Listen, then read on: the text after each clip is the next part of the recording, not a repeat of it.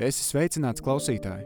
Mans vārds ir Artūrs Jenots, un jau pēc brīža tu būsi klātesošs sarunai par mīlestību.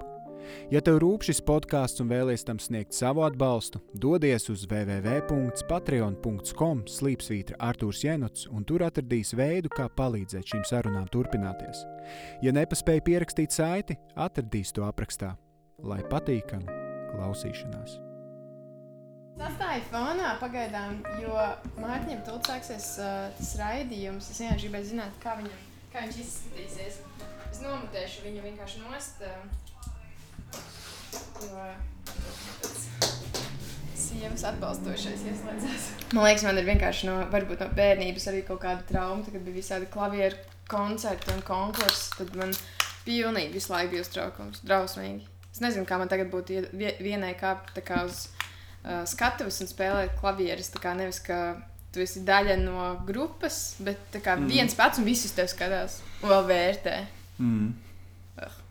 Bet, varbūt, nu jā. Nu, bet tas ir tas, ko tu gribētu darīt. Um, Nu, ot. kādu laiku, jā, kādu laiku es rītīgi negribēju. Um, tad, kad es mācījos kaut kādā pamatskolā, es vispār negribēju spēlēt. mm. Um, bet tagad, ja es atskatos, uh, ja man būtu bijusi iespēja um, turpināt mācīties uh, mūzikas uh, gan vidusskolā, gan uh, akadēmijā, es gribētu. Es gribētu, lai es būtu gājis to ceļu. Man liekas, man. Uh, nu, labi, es zinu, ka tur ir daudz, uh, daudz, uh, daudz mūziķu, un it sevišķi akadēmiskajā vidē ir, man liekas, vēl grūtāk izsisties, un arī vajag kontaktus kā jeb- jebkur citur. Mm -hmm. Bet uh, man liekas, tas būtu bijis ļoti interesants ceļš. Mūzikā. Jā. Jā, nu tā solo. Man ļoti patīk vēl aizvien klasiskā mūzika. Mēs runājam? Un, jā, Hä? es... mīlestība, mīlestība. Te nu mēs esam satikušies. Um, un man pirmais klasiskais jautājums jums, Kristīna Spūra, nu jau, nu jau kundze, jauna kundze ir jauna, bet ne nu, jauna kundze. Um, pirmais būtiskais jautājums, kas tavuprāt un priekš tevis ir uh, mīlestība? Es uh, tieši šodien uh, domāju, es vienmēr pirms intervijām, jebkur, kur man jārunā, gatavojos. tad Es vienkārši mēģinu sakārtot savas domas, lai kaut ko uh, nepalaistu garām.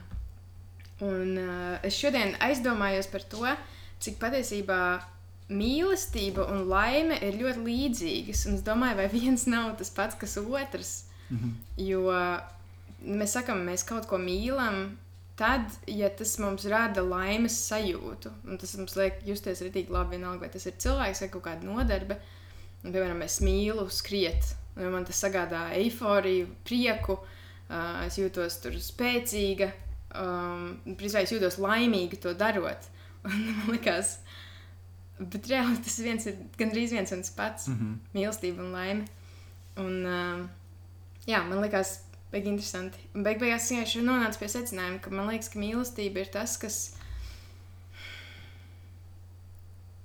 Jā, kaut cilvēks, nodarbe, um, kaut kāda situācija, kas rada tevī laimes sajūtu, kas uh, liek tev būt priecīgam un uh, justies labi.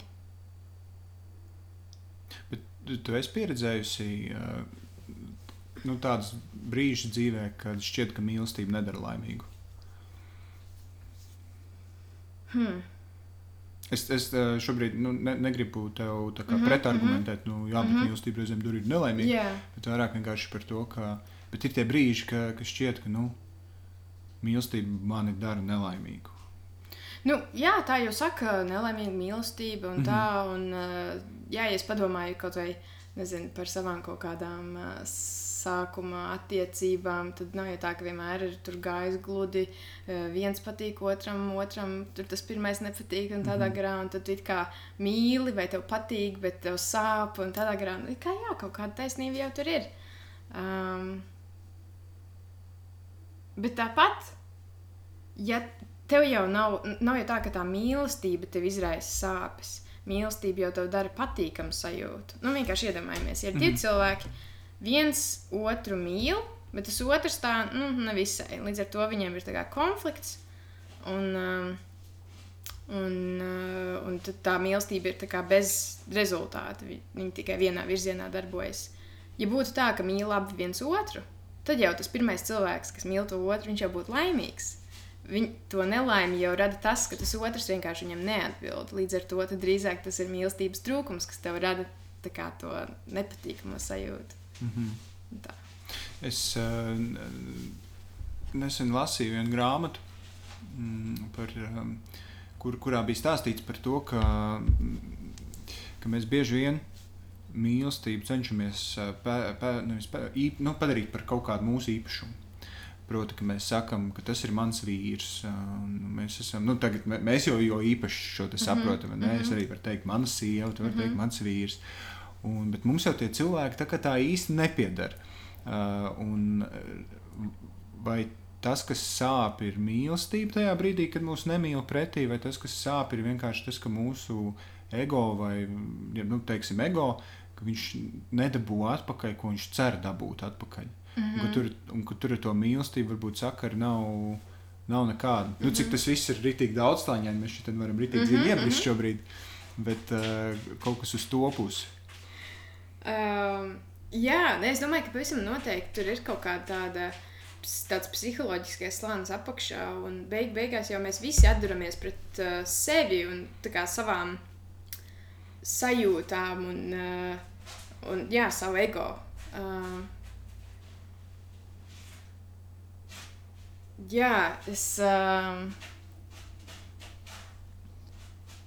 jā, tā es nevaru. Kamēr Harijs nokārtojās, vai lielos biznesus. Um, jā, jo man liekas, izspēlēts. Uh, Sūdi ir arī mīlestībā. jā, beig, beigās tas, ko mēs vēlamies pateikt, ir to, tas, ka arī visā skaistajā beig, beigās ir sūdi. Bet, nē, ja nopietni, tad uh, es domāju, ka tam, ko tu saki par to ego, noteikti ir kaut kāds sakars. Es gribētu, lai es mācītu psiholoģiju tik labi, lai es varētu mm -hmm. teikt, jā, un ir tā un tā. Bet es nezinu, bet man liekas, ka tur ir sava daļa taisnības, jo, jo mīlestība jau mums dod kaut kādu apstiprinājumu un kaut kādu tādu nu, patīkamu sajūtu. Un, un arī kaut vai p- pat domājot par mums kā bērniem, mīlestība jau no, no vecākiem, piemēram, viņi nostiprina mūsos pārliecību par mums pašiem. Nu, piemēram, ja tev vecāks, ā, tagad tu esi maziņš, visu laiku saka, ā, mēs tevi mīlam, tu esi malacis, ā, tev skolā tik labi sanāk, un ā, tu esi labs tāds, kā tu esi, tev, tu jau veidojies, tev tas ego veidojas tā, nu, viņš pilnveidojas, tu nostiprinies kā cilvēks, tev tas ir vajadzīgs, lai tevi mīl. Mm -hmm. Un beig beigās, jā, tas ir daļa no tavas kaut kādas izaugsmes. Un varbūt tad, kad es pieaudzis un nu, tev ir tavs ego, un kā tev saka, bet es tevi nemīlu, un tad tas mm -hmm. ir tā kā tieši tāds dūriens. Sāp. Jā, Mm. Es, es, ne, es neatceros, kā bija bērnībā, un, uh, un, kā, un kā tas ir. uh, Man droši vien vajadzētu mazliet papētīt sevi, kā tas man ir ietekmējis līdz šim. Bet uh, vai man kā bērnam tajā, tajā vecumā vajadzēja, nu, vai manam ego, vai mans ego vispār tajā brīdī jau eksistēja, ka viņam vajadzēja dzirdēt no māmas vai no tēta vai no kāda cita, ka mani mīl. Uh, Nu, un, un cik mēs zinām, ir tie stāsti, ka tos bērnus, nu, kuriem tā kā nesaka, ka viņus mīl, un tam līdzīgi, ka viņi izaug un ka viņi nemāk arī to mīlestību nekādā veidā izrādīt, un arī nemāk saņemt, jo viņi nezina, kas tas īsti ir. Un es tikko iedomājos, ka varbūt eh, ka, ka tā mūsu, nu, ka vecāki mums eh, stāsta šīs lietas un uh, parāda to mīlestību. Varbūt viņi tādā veidā mums parāda mīlestību un iemāca, kas ir mīlestība, neapzinoties, protams. Mm -hmm. Un tad īpat laikā arī. Uh, palīdz uzaugt tam ego tādam, nu, ka, ka, ka tam ego to vajag. Jo mm -hmm. gan jau ka ir kaut kāda ego, kuriem nevajag to mīlestību. Nu, viņiem kaut kādas citas lietas vajag, kas, kas viņiem li- liekas, viņiem pašiem, ka trūkst. mm -hmm. Kā tev šķiet, vai tu, tad, kad uh, tev vajadzēja sākt veidot attiecības uh, ar nu, pirmajiem partneriem un pēc tam, um, vai tu biji kaut kādā veidā iemācījusies mīlestību, um, vai tev nācās visu no jauna sākt? Nē, es domāju, ka noteikti kaut kas tev ir iem, iemācīts, jo nu, vienalga, kāda ir vecāka, viņi tevi mīl un mēģina to mīlestību nodot tā, kā viņi to māk. Līdz ar to varbūt, um, varbūt tā, ka tev vecāki ir uh, nu, vienkārši superīgi vecāki. Viņi dara visu pēc rokas grāmatas, un tu, tu, tev ir vienkārši viss perfektākais priekšstats par to, kas ir mīlestība. Mm -hmm. Un varbūt arī tā, ka tie vecāki, nu, viņi, viņi dara, ko var, bet uh, viņi ir ar saviem trūkumiem, līdz ar to tas priekšstats par mīlestību tev rodas tāds ar saviem robiem. Bet tev ir kaut kāds priekšstats vienkārši. Nu, tas ir tas, ko iemācījies no tiem vecākiem. Un tad arī līdz ar to veidot tās attiecības tālāk pēc vai nu viņu modeļa vai. Um, vai, vai nu, pie, piemēram, iedomājamies, um, tu esi tāds tīnis, pats gadnieks, ka tev ir pirmās kaut kādas attiecības.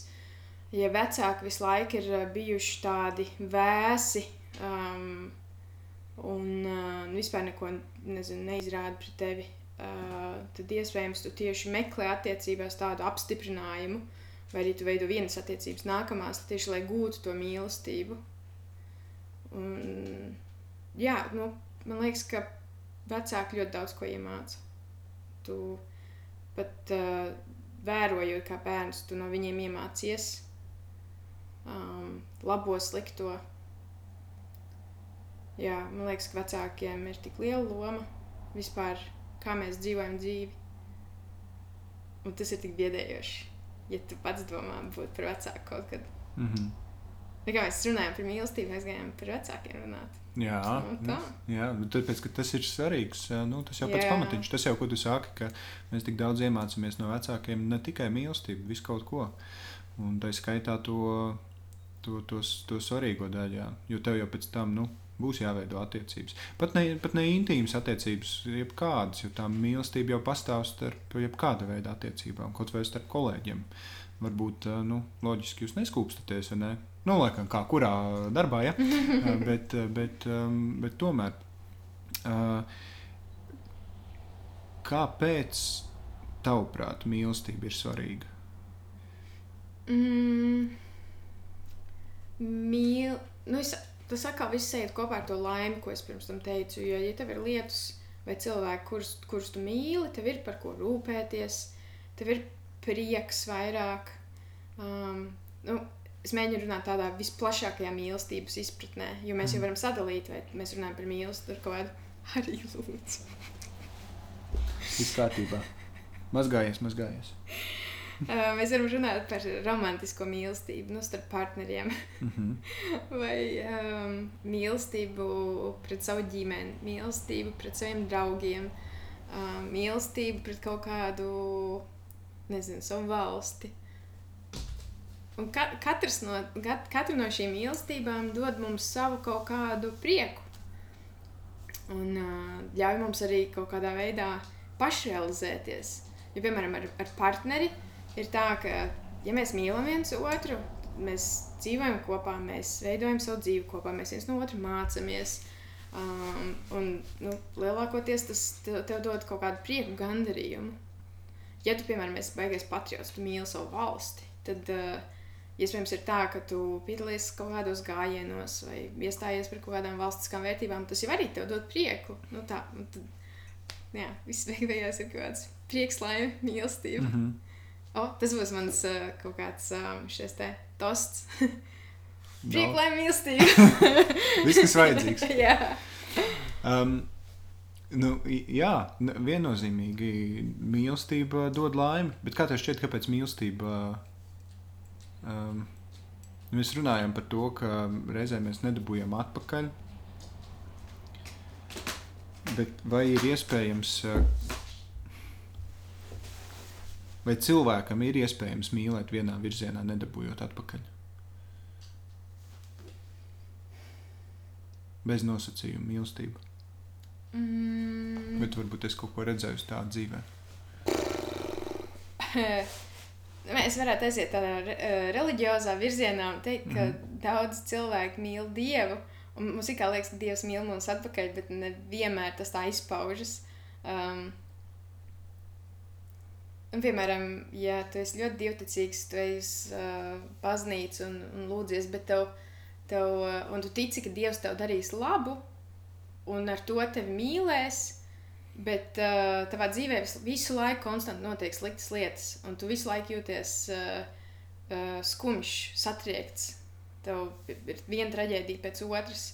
Tu turpini mīlēt Dievu, cerot, ka Viņš tev mīlēs atpakaļ, bet tev, nav, tev trūks pierādījumu, ja tev visu laiku notiek kaut kas slikts. Līdz ar to tas varētu būt kaut kāds pier... nu, kā viens no tiem gadījumiem, kad uh, mīlestība ir vienā virzienā, un tu kā vēl, mē, vēl aizvien mēģini ticēt, um, ka Dievs tevi mīlēs atpakaļ.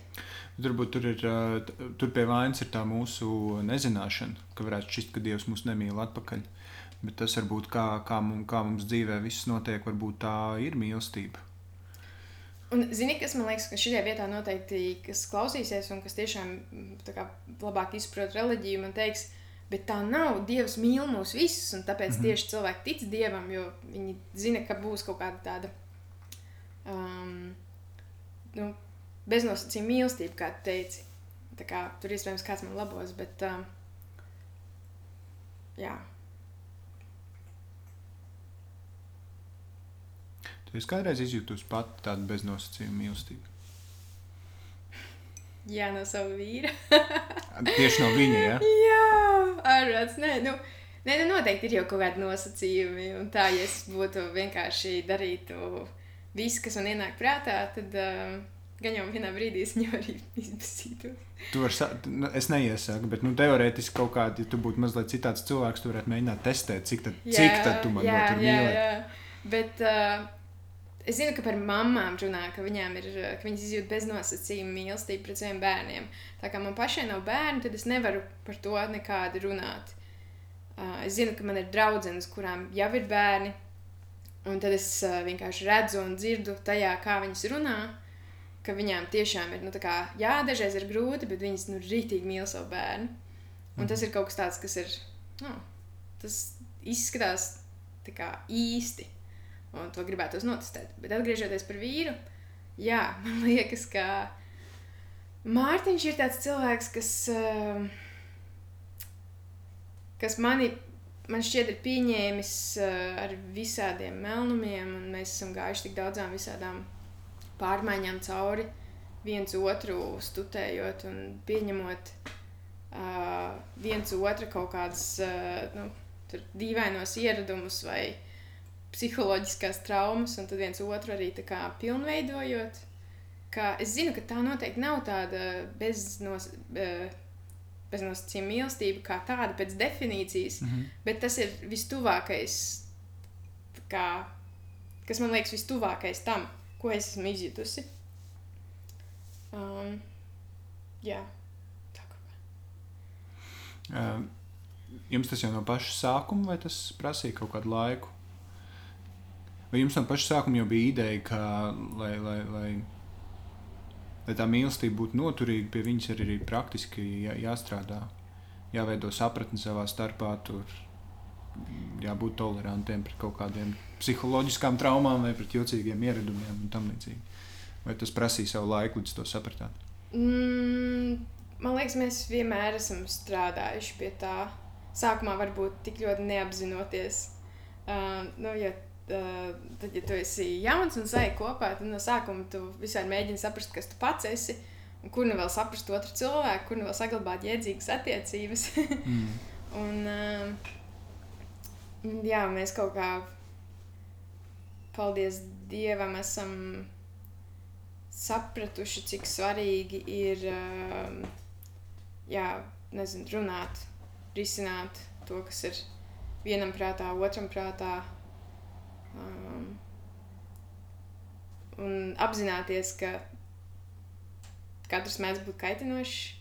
Un vienkārši nevis apvainoties par to, bet nezinu, tiešām no abām pusēm mēģināt kaut kā apspēlēties. Lai nesanāk tā, ka mēs tur tā daudzamies viens pret otru, bet drīzāk tādā foršā maisījumā tā apveļamies viens otram apkārt. Mm. Papildināt. Jā. Mm. Nu, tas, tas ir tad, kad abolam ir otra pusīte arī. kad tur nav gluži abola. Arī sveiki. Arī nāc te. Ka nav gluži abols un bumbieris, un tad jūs kaut kā cenšaties būt viens auglis. Jā, es ar citu īstenībā, es tur bez, bez, kā, bez nosacījumu.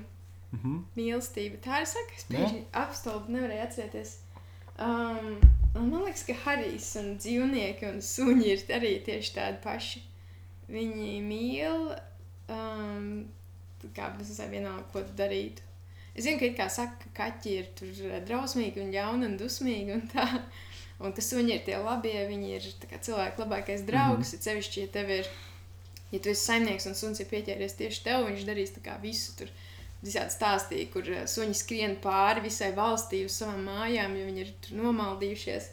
Bet uh, arī tas ir tik dīvains, viņš ir reāli. Kā, um, viņš ļoti mums pieķers, un vienalga, vai mēs viņu dažreiz nervojam vai ko tādu, viņš vienmēr nāk un, un ir tik mīļš. Un rītīgi var just, ka viņš kā mīl mūs. Un, uh, jā, tas ir jauki. Es nesen klausījos uh, Rīgas, Rīgas laikam bija saruna par mīlestību starp, starp Tīronu un kā sauc otru to gudro džeku. Šlapins? Uh, nē, starp Tīronu. Vai, Un cilvēks. vai pie, pie, piedošana visiem, kas klausās, ka es šo aizmirsu, pēkšņi izkrīt no galvas vārds. Bet nu, mēs visi zinām, ja Rīgas laiks ir dzirdēts, ja Latvijas filozofi ir dzirdēti, šie kungi ir zināmi. Viņi, viņiem bija forša saruna, viņiem bija galdiņš, viņi sēdēja kaut kādā kafūzī. Viņiem tur bija kaut kāds liķierīts uz galda, viņi pīpēja, ik pa brīdim ierāva un, un, un, un runāja. Bet tā nu, ļoti, ļoti no filozofiskās puses. Un, uh, un es to visu klausoties, man ik pa brīdim gribējās lekt iekšā, un džeki, nemurgojiet, nu, kas ir. Ne, nu, tā, tas, nav, tas nav tik būtiski. Nu, tur no sērijas uh, Tīrons man šeit teica, ka, um, nu, piemēram, man patīk, es mīlu pļaut zāli. Ļoti patīk pļaut zāli, tiešām mīlu pļaut zāli. Bet vai tā ir mīlestība? Uh -huh. Es sen klausījos, nu, bet tu taču pats tikko pateici, nu, kā ir tik, protams, ir grūti varbūt atdalīt tās. Jā. Es, es mīlu savu draugu, sievu vai vīru, uh, un es mīlu pļā, pļaut zāli. Liekas, ka nu, tās, tās ir atšķirīgas lietas, bet joprojām tas ir par, uh, par mīlestību. Un tur bija ļoti interesanti. Viņi sāk runāt par, uh, par dzīvniekiem un uh, par, par, par kaķiem arī man šķiet. Un es līdz tam brīdim biju ļoti pārliecināts par to, ka suns noteikti saprot un jūt, kas ir mīlestība. Nu, tas ir tik acīm redzami, bet par kaķiem gan es tā kā īsti nesapratu. Mums arī no Oza ir ļoti, var redzēt, ka viņi mūs mīl. Mm -hmm. Bet arī pat laikā tu reizēm ej ar savu mīlestību, un viņai tāds man nevajag tādu mm -hmm. mīlestību. Lietas man mieru tagad. Un pēc tam viņa atnāk, kad viņa pati grib. Uh -huh. Un tajā sarunā es pat neatceros, par ko viņi runāja, bet es pie sevis sāku domāt par to, ka varbūt ir uh, mīlestības uh, uh, starp dažādām būtnēm, kuras mēs nemaz nesaprotam, tās mīlestības. Mēs ļoti labi zinām par, uh, pat ne ļoti labi zinām, mēs mazliet zinām par cilvēku savstarpējām mīlestībām uh, un par to, ko mēs varam mīlēt, pret nodarbēm, vai pret kaut kādām lietām, vai pret valsti, vai pret uh, saviem kolēģiem, vai saviem tuvajiem cilvēkiem. To mēs tagad daudz maz saprotam kurš vairāk, kurš mazāk, kuram daudz ko vēl mācīties, kuram mazāk ko mācīties.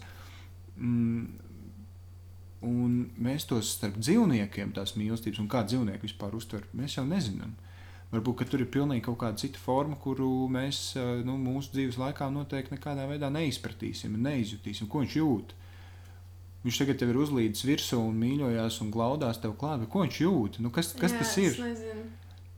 Jo man, jo man liekas, varbūt Oza nāk klāt, jo viņai patīk, ka viņai pakasa. Viņai, mm -hmm. nu, tas ir Tā kā uz refleksiem uz- kaut kādiem, jā, ka tev Jā. patīk vienkārši tas rezultāts, līdz ar to tu dari to, kas uh, notriggeros to rezultātu, ko tu vēlies. Jā, bet mēs jau arī tāpat darām.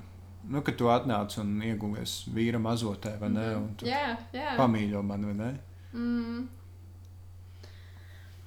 Varbūt mēs nerūpējam.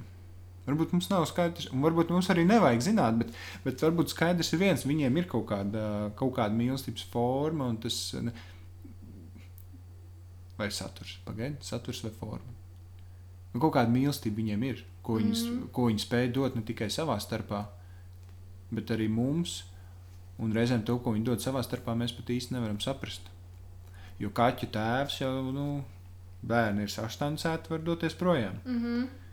Un liekas, ka tur nekāda mīlestība nav. Bet tad pat laikā cilvēks dara tieši tāpat reizēm. Mm -hmm. Bet visticamāk, tas cilvēks, kas tā dara, diez vai viņš izjūt tādu baigo mīlestību. pret tiem cilvēkiem, kurus viņš pamet. Nu tā, ja tu saštancē tos bērnus mm -hmm. un tā kā, ai, nu labi, sija. Nu tā, diez, diez vai viņš tā kā tik ļoti mīlēs, ka viņš aizies prom. Lai gan tā arī ir. Uz, mm. uz, to, uz to tiek veidots visādas filmas. Tāds, tā, tāds stāsts noteikti ir. Jā, bet tur ir tiešām visā tajā, ko teici, ir tik daudz uh, visādu šķautņu. Un uh, man, man jau liekas, tas arī ir tas, uh, tas filozofiskais uzdevums. Reti, kad, ne, labi, reti nē, bet vai svarīgāk ir nonākt pie tās atbildes, kas tad ir tā mīlestība un kā suns vai kaķis to izpauž, mm -hmm. vai mhm. drīzāk būtiskāk ir meklēt risinājumus, vienkārši runāt par to, kā varētu būt.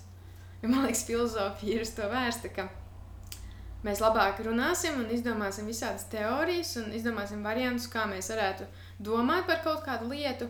Bet neviens beig beigās nebūs tas vienīgais pareizais. Būs vienkārši dažādi virzieni, kā kam ticēt. Un arī par to mīlestību var teikt, ka mīlestība ir tikai tas, ko mēs jūtam pret uh, savu, nezinu, otro pusīti, saviem vecākiem un savu bērnu. Un var domāt, ka mīlestība ir tas, ka mēs, mums, mēs mīlam pļaut zāli, mēs mīlam savu kaķi, mēs mīlam kaut ko vēl tur mīlam svaigu grāmatu. Kas tagad notiek? Uh, viņš ir sāk jau uzvilkties. Viņam, kaķiem arī viņam, laiks. viņam, jā, viņam ir, viņš mīl, mīl tik ļoti, viņam ļoti patīk mīļoties un tā. Un pēkšņi tu viņu pārpājā, es par to esmu pat lasījusi, tu viņu pārpājā, viņš ir pārāk daudz notrigrots, viņš sāk uzvilkties un paliek agresīvs. Un es laikam domāju, ko es daru nepareizi. Es izrādu visu savu mīlestību, es glaudu viņu un tādā garā. Un, un izrādās, ka vienkārši kaķiem tā ir, ka viņus pārāk sakacina, un tad viņiem ir tikai otra bedra. Bet mums arī tā ir.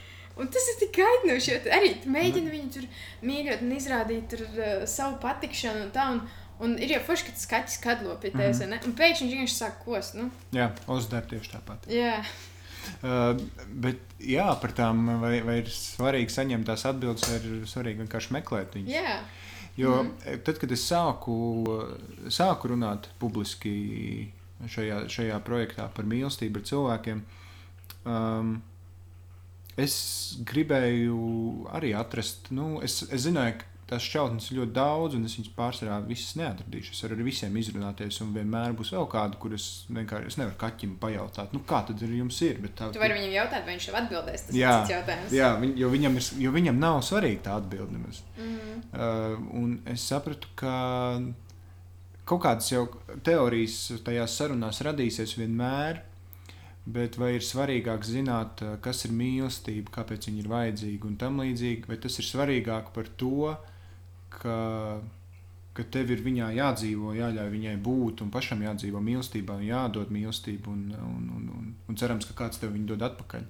Vai ir svarīgāk saņemt atbildi par to, kas, tas, kas tā ir par mm. enerģiju, kā viņa matemātiski izskatās, vai varētu izskatīties.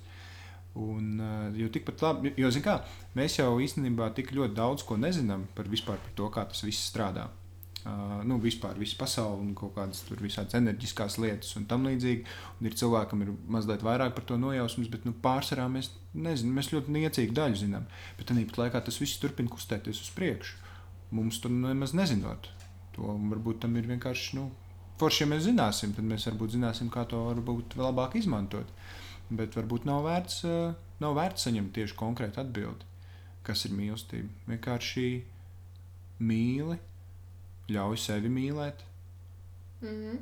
Un, un vienkārši ļaujies, un pofīgi, kā, nu, mm -hmm. kā to nosaukt, un uh, vai tas ir vajadzīgs vai nav vajadzīgs. Bet ir forši, jo tas, par, tas ko tu teici par to laimi un prieku, tas tev dara laimīgu. Laimīgs cilvēks, vesels cilvēks. Laimīgs cilvēks, foršas lietas var izdarīt. Mm -hmm. Jā, ne tikai mīlēt ir svarīgi, bet tiešām ļaut sevi mīlēt. Un to patiesībā dzīvē arī uh, mēdz būt tā, ka tev pašam ir jāiemācās, lai tu nezinu, atvērtos cilvēkiem un ļautos tam, ka tu dibini kontaktus, ka tu iepazīsti cilvēkus, iepazīsti viņus līdz kā, tik tālu, ka tu saproti, pats es šo savu draugu ritīgi mīlu. Mm -hmm. Vai šo savu nezinu, draugu, ar kuru mēs esam kopā divus gadus, es reāli saprotu. Tagad es saku, varu teikt, tu man nevis tu man patīc, bet es tevi mīlu. Un, uh, man liekas, tas arī ir tāds uh, izaicinājums, kam kam jāiet cauri, un nevienmēr tas ir viegli. Bet uh, tas, ko tu vēl iepriekš teici par to, ka vai svarīgāk ir dabūt to atbildi, vai vienkārši mīlēt un ļaut sevi mīlēt, man tas atgādināja seriālu The Good Place. Vai tu esi mm. redzējis tādu? Uh, tas ir foršs seriāls. Uh, tur ir bijis arī tāda dzīves jēgas meklējuma. Tur tieši viens no galvenajiem tēliem ir uh, tāds uh, um, morālās filozofijas pasniedzējs, vārdā Čidī. Viņš visu laiku meklē atbildes, kas ir, uh, kā darīt ir labi, kas ir slikti, kāda ir dzīves jēga un ko mums dzīvē vajag darīt. Un tad uh, viņš visu savu dzīvi ir neizlēmīgs. Un uh, tikai meklē atbildes, nevar, pat ja viņš nonāk pie atbildes, viņš pēkšņi sāk sev kā um, likt argumentus pretī, bet ja nu tomēr ir kaut kā citādāk. Mm -hmm. Un, uh, un, un beig, beigās tad, uh, nu, skatītājiem gribas uzdot jautājumu, bet reāli viņš meklējot tās atbildes savu dzīvi, visu laiku atšakarē. Viņš nevar izlemt, viņam gribas kā labāk, bet viņš dara tieši slikti, nu, tā kā ar savu neizlēmību viņš dara slikti sev un citiem. Un, un jā, beig beigās jau viss ir forši, seriāls beiglavais iesaku. Um, bet jā, tas arī ir tas pats, ko mēs domājam, vai, vai svarīgāk ir vienkārši zināt, kas ir mīlestība, vai ļauties tā kā tai sajūtai. Iemācīties, ļauties. Jo es um, arī tajā pašā grāmatā, ko es lasīju, atradu uh, tādu domu, ka mēs reizēm mums ir ba bail no tā, ka mūs mīlēs. Mm -hmm. Un, uh, tas ir iemesls, kāpēc mēs vairamies no mīlestības. Mēs iepazīstamies ar kādu, un mēs gribam to cilvēku mīlēt, bet tas jau nu, nenostrādā abos. Ja tas nenostrādā abos virzienos, tas nenostrādā vispār. Un, ja tu neļauj, ja tev cenšas mīlēt, bet tu neļaujies sev mīlēt, un beidz no tā, tad jau tur nekā neveidojās. Un tur tā, nu, tie iemesli, kāpēc tev ir bail mīlēt, tur arī var būt daudz un dažādi. Uh, vecāki nav iedavuši vai nav, nav, nav iedavuši kaut kāds acīm redzams iemesls, kāpēc tev vispār varētu mīlēt. Mm -hmm. Un kad tev kāds saka, ka tu esi skaista, bet tev visu dzīvi teiks, ka tu esi neglīta, un kā tu lai notici? Kam mm -hmm. tu mhm. vienam cilvēkam vai tiem tūkstošiem, kas man to teica? Mm -hmm. um, un, un tad mēs bēgam no tā. Jo mums melo, nu, kā tā var būt? Nu, mm -hmm. Es zinu, ka es esmu neglīta vai mm -hmm. neglīts. Man mm saka, ka es esmu skaista. Nu, es negribu būt cilvēkam kopā, kas, kurš man melo. Tu baidi, nu, tu neļauj sev mīlēt.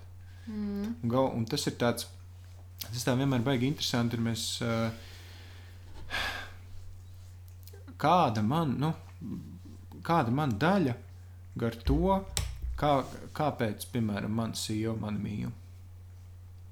Kāda man daļa gar to? Viņi man var mīlēt par tādiem iemesliem, par kuriem es uh, pat nesaprotu, kāpēc man, nu, nav tā, ka es ienīstu sev par to, bet es nesaprotu, kāpēc man par to mīlētu, kāpēc mm -hmm. tik stipri. Kāda man daļa par to, to, ka tu man mīli? Un, ka, un tādā pat laikā tas strādā arī pretēji. Kāda viņai ir daļa ar to, kāpēc es viņu mīlu? Fakts paliek fakts, es tevi mīlu. Mm. Tāpēc, ka tā tava dzimuma zīmīte tur uz vaiga izskatās rītīgi labi. Mm -hmm. Tev viņi var nepatikt, tev var nepatikt tie tavi vasaras raibumi, bet man tā cepī. Mm -hmm. Un tas ir tas, uh, tas ir tas apmēram, zini, ka tu tirgu aizēji tad, kad nav naudas, tā kā nu, tur preču maiņas kaut kāds tirgus, ja? man ir tur melnas, ja? mana mīlestība, ja?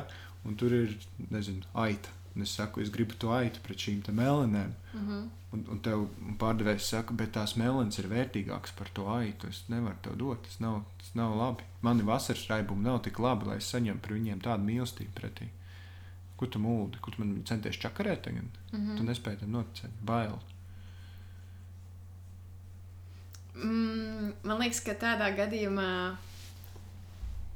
Um, man liekas, ka ir svarīgi zināt, par ko otrs tevi mīl.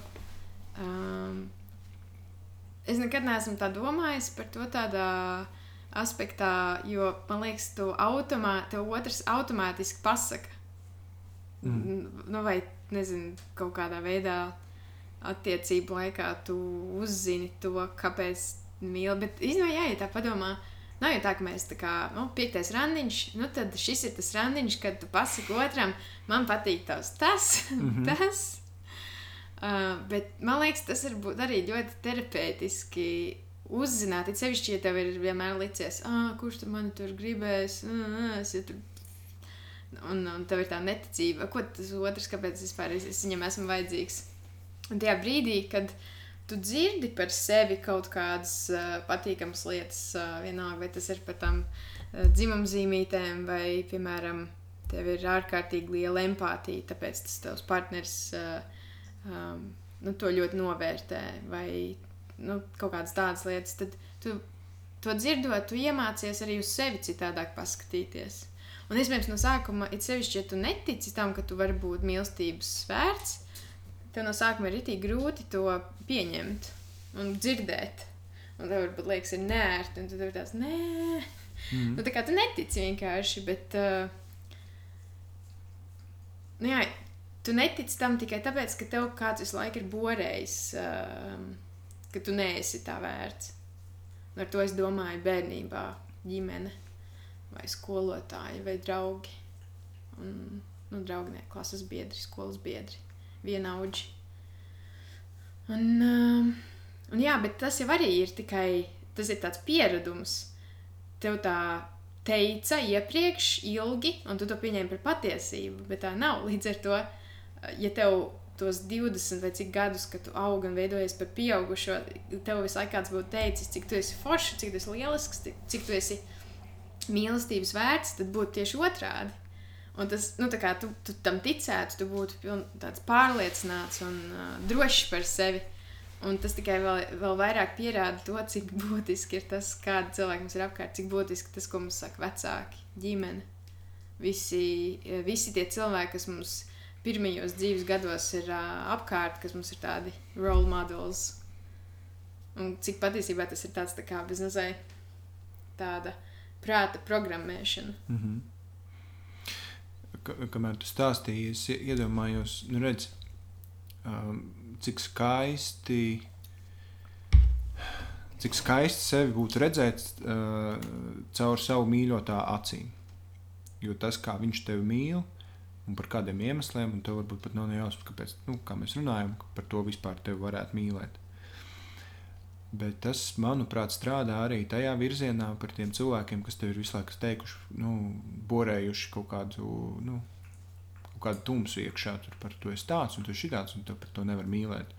Un tu centies skatīties caur tām acīm labāk, nekā caur tā cilvēku, kurš tev, nu, kaut vai māma, ja bērnībā, kas tev saka, nu, bet tēvs vai meita, nu, tā kā tev viss ir kārtībā, neklausies, ko viņi tev saka Un, un kaut kā vieglāk ir paskatīties ar tām sliktajām acīm, kas tev redz kaut kādā, nezinu, vai cenšas tevi nospiest. Un, un, un, un tad tu centies skatīties ar to cilvēku acīm. Un tādā pat laikā uh, pieņemsim, ka tev ritīgi patīk apzakt veikals. Un tavs mīļotais cilvēks tev saka, ka viņš tev mīl. Tas ir viens no iemesliem, kāpēc viņš tev mīl. Tu esi drosmīgs, tu reiziet un apzakt veikals. Un tev ir tāds, jā, cik forši, ka tu man mīli šī tāda iemesla dēļ. Un vai tās acis ir labākas par tām, kas uh, caur mm -hmm. mīļotātes labākas par tām, kas um, tev kaut kādu sūdu borē iekšā. Un tas ir diezgan skarbs piemērs, bet um, tas var būt attiecināms arī uz tādām vieglām lietām. Tev mīļotais slēgts, saka, ka tu esi skaists vai skaista, un, un tavs ego kāpj. Un tev to vajag dzirdēt nevien tāpēc, nu, ne, ne tāpēc, lai uh, redzētu, ka nu, tos iemeslus, kāpēc tev cilvēks mīl, bet tev vajag to dzirdēt tāpēc, lai tu, tu vienkārši papucētu savu ego. Un, uh, un uztver to kā patiesību, jā, es esmu skaists. Un, un te es nonāku pie tā punkta, ka varbūt nav jāskatās ne, ne caur tām acīm, ne, taur, ne caur tām acīm, bet jāskatās caur savējām un tikai un vienīgi. Ļoti, tas ir ļoti, tas, ko es šobrīd saku, ļoti grūti līdz kaut kam tādam tikt, ņemot vērā, kāds troksnis ir apkārt un, un, un, un ko cilvēki runā viens par otru un kā viņi bieži vien cenšas viens otru nolikt. Bet tās tavas acis, nu, tās būs tās vispatiesākās. Mm. bet, bet, bet tu, zini, tu zināsi, ja tu caur savām acīm, kurš tev nemelos, paskatīsies uz sevi, tu ieraudzīsi gan tās labās lietas, gan tās sliktās lietas. Un, ne, un neviens cits tev nesamelos. Tu zinās, ja tu zini, ka tu Ja tu paskaties ar savām acīm, un ja tu zini, ka kā apzogot veikalus, tas ir slikti, tu saproti, ka tas ir slikti. Tu vairs nenoticies pat tam cilvēkam, kas tev par to mīl. Tev būs tāds, nē, bet tas ir slikti. Stulbi īstenībā. Es tā nedarīšu vairāk. Es zinu, ka tu man par to mīli, bet es tā, tas, man tas nav, vai es to nedarīšu. Mm, jā. Um, savas acis un kaut kāds savs skatījums par to, kāds tu esi pats un kādā situācijā tu esi. Um, tas ir vislabākais veids, kā skatīties, bet man liekas, līdz tam nonākt ir ļoti grūti. Tieši visu to iepriekš minē, uh, minēto iemeslu dēļ, visa tava, um, kā tu esi uzaudzināts, kas tev ir kā, teikts, tu bieži vien to, ko, tevs, ko, ka, ko tu esi iemācījies, tu jau uztver kā savējo. Mm -hmm. uh, un tad beig beigās man liekas, ir jājautā, kas tad ir tas tās tavas acis? Nu, kā, kas vispār ir tas tavs neitrālais redzējums? Un vai mums vispār jebkad tāds var būt? Jo mēs esam tik daudz ko mācījušies. Ne tikai slikti, nu, ne, ne tikai slikti, bet arī labu. Uh, mums apkārt visu laiku ir cilvēki, kas kaut ko saka, visādi viedokļi, līderi un gudri cilvēki, kuriem arī vajag uzticēties. Un vai gal galā beigās tev var būt kaut kāds tāds viedoklis, kas ir neviena nekā ietekmēts. Bet tas laikam ir jau tādos kaut kādos plašākos jautājumos, ja tu nezini, tur domā par politiku vai, vai kaut kādām tādām lietām. Par sevi jau it kā tu arī vari mēģināt kā, skatīties caur sevi un mēģināt sadzirdēt savu iekšējo balsi un saprast, kāds tu esi. Tā kā, ne, nu, čīsta, kāds tad es esmu? Mm. Tā kā, vienalga, ko man saka, tur tēvs vai draugs, kāds tad es esmu. Bet man liekas, arī tad ir rītīgi grūti saprast. Jo, jo mēs tik daudz ko, ko mums saka, citi pieņemam kā mūsu domas. Pat visvienkāršākajā piemērā. Um, piemēram, tagad populāri bija šāda, kā bija tāds dziedātājs, kas dziedāja Friday, Friday. Rebeka Black. Jā. Uh, visi viņu heitoja. Mm -hmm. Un daudz heitoja Justinu Bieberu. Un uh, man liekas, ka daudz cilvēku nesaprot, kāpēc viņi viņu heito. Ja viņš, piemēram, kādam ir uh, reāli, nezinu, tiešām ieriebies, teiksim, viņš nobrauc savam kaimiņam suni, tad tam kaimiņam tiešām ir burtisks iemesls, kāpēc viņam nepatīk Justins Biebers. Bet man liekas, tā vispārīgi pasaulē tas ir kaut, kā, kaut kas, ko tu pieņem kā, oh, nu jā, viņš jau tur ir tāds un tāds. Tāpēc, ka daudz tā saka, daudz raksta visādus rakstus par to, un tu, bez, tu pat nesaproti, no kurienes tev tā sajūta nāk, un tu to pieņem kā, uh, kā saprotam, kā, kā taisnību, patiesību. Un, nu, tas tāds varbūt uh, popkultūras piemērs, mm. bet man liekas, ka līdzīgi ir arī par sevi. Jo ir grūti, tad, kad tu audz, izfiltrēt lietas, ko tev saka pieaugušie. Jo tu vienkārši nespēji domāt sarežģītā formā. Tu esi vēl esi bērns, tu pieņem visu, tu uzsūti visu kā sūklis. Un tev liekas, viss, ko saka pieaugušie, ir taisnība. Ceļš viss, ko saka tavs mīļākais skolotājs, tev vecāki, vecvecāki.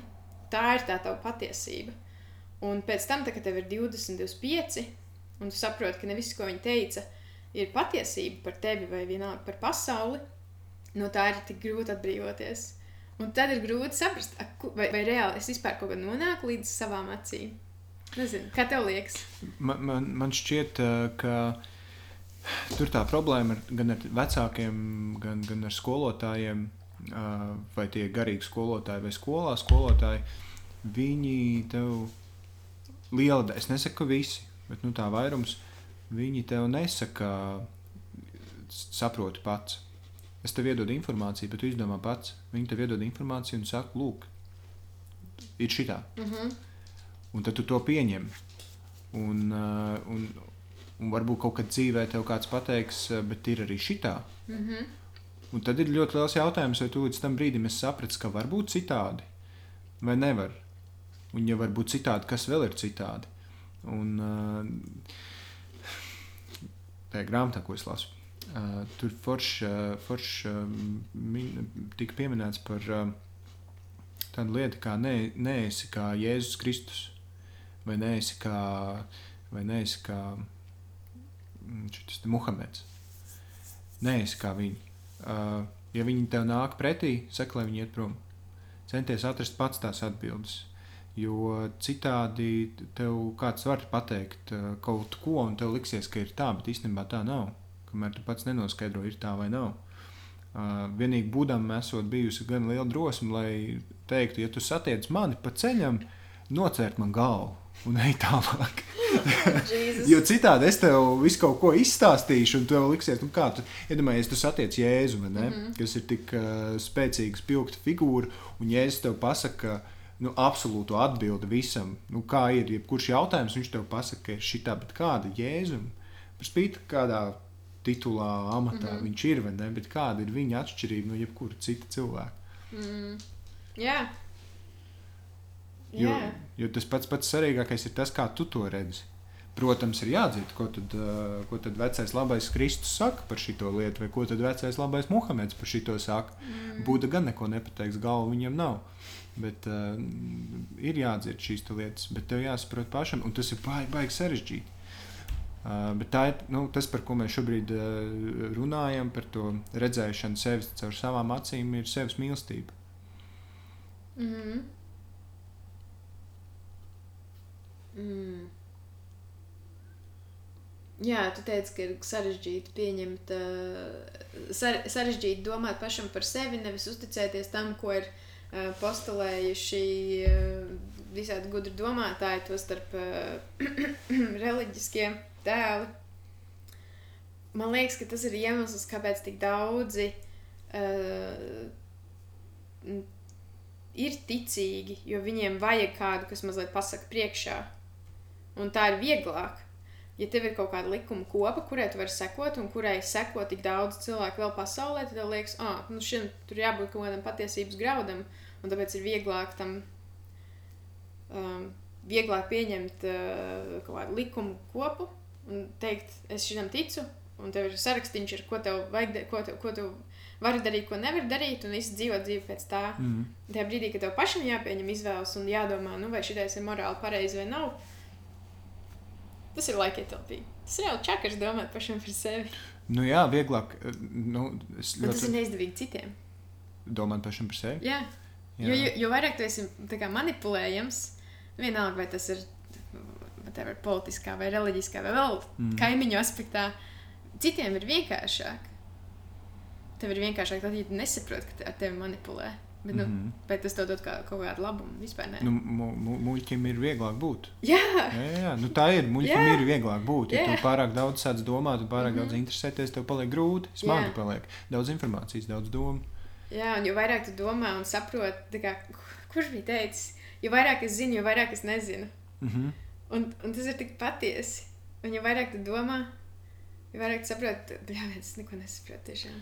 Bet tas, tev, ir bet, tas, bet man šķiet, ka tas brīdis, kad tu nonāc pie šīs atziņas, ka kā, tu uzsūci ļoti daudz informācijas, un no tā visa tu, tu saproti, ka ir vēl vairāk informācijas, kurai tu pat klāt netiec.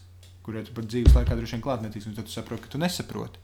Un man šķiet, ka tā ir super svarīga. Nu, tas ir pats, pats tāds pamats tam, lai tu būtu gudrs. Vismaz savas dzīves laikā. Jo tas nozīmē, ka tu.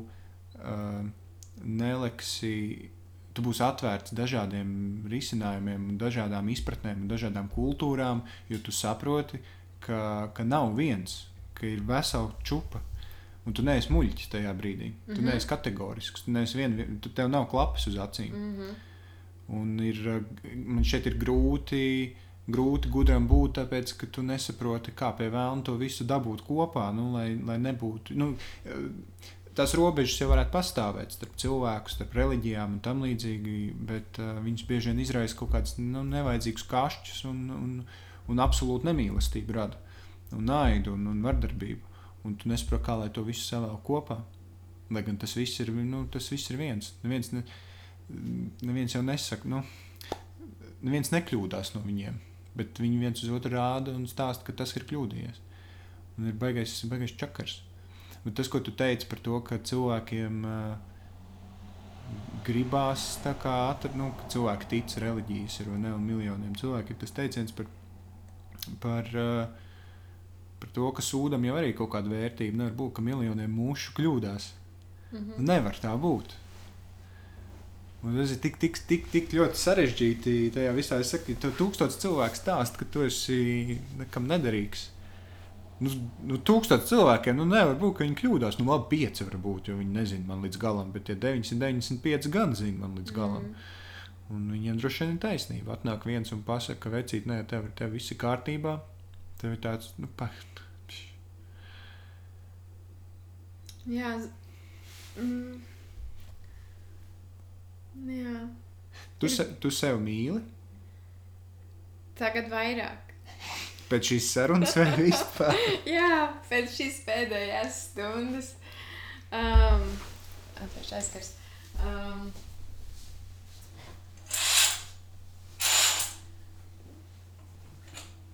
um, man, uh, man liekas, man 20 gadi bija diezgan grūts laiks. Nu tā kā. Tad, kad bija 20, 21 un 22, tad, kad es studēju, man liekas, es biju diezgan nedroša par sevi. Ļoti stresaina. Nu, tā kā man laiku bija trauksme. Visu laiku li man likās, ka es neiedaros. Man bija apkārt forši cilvēki. Man laiku likās, ka um, nezinu, es viņiem nepatīku. Viņi noteikti, kā es viņiem kaitinu, visu, ko es saku, kā viņiem kaitinu noteikti. Un, uh, jā, un man liekas, tikai ar laiku risinot tās pašas bērnībā iegūtās, ieg, iegūtos robus sevī, um, tikai ar laiku tas ir mainījies. Um, man liekas, ka ļoti daudz ir palīdzējis uh, tas, ka mēs ar Mārtiņu esam kopā. Jo, kā jau es teicu, mēs ļoti daudz viens otru risinām. Man liekas, dažreiz tas jau ir nogurdinoši. mēs tiešām ļoti daudz runājam. uh, un jā, un tagad, kad uh, man ir 20, man bija 28, 29, man liekas, tad es jūtu tādu stabilu, lēnu, bet novērojumu augšup eju tam, kā es jūtos par sevi. Un, um, um, un man ir žēl, ka tas ir tagad, kad man, nu, man reāli es, esmu pavadījis visu savu 20 gadu laiku domājot, ka, kas man trūkst, kas man tur slikti un tādā garā. Un reāli viss jau bija labi. Vienkārši tev visu laiku liekas, ka kaut kas nav. Un tu esi dusmīgs uz sevi, neapmierināts ar sevi. Un, un tā, un tagad, kad ir 30, tad reāli tad taču tāds sajūta, ah, nu beidzot es jūtos tā kā jēdzīgi. un tas ir. Tas ir es, es vienkārši esmu priecīga, ka esmu nonākusi līdz tādam stāvoklim, jo tikpat labi es varēju arī nenonākt. Varēja. Jā, es domāju, ka daudz cilvēku tā arī nodzīvo savu dzīvi. Nenonākot pie kaut kādas atslēgas un neizprotot sevi un nesaprotot, ka viņi patiesībā ir rītīgi ok cilvēki. Vienkārši viņiem vai nu kāds visu laiku ir kaut ko borējis, vai ir, nezinu, kaut kas cits ir noticis. Varbūt viņiem ir noticis kaut kāds traģisks gadījums, pēc kura viņi neatkopjas, bet, nu, principā viņi visu dzīvi nodzīvo tādā pašaustīšanā un, un žēl, ka tā notiek. Jā. Nav viegli būt cilvēkam.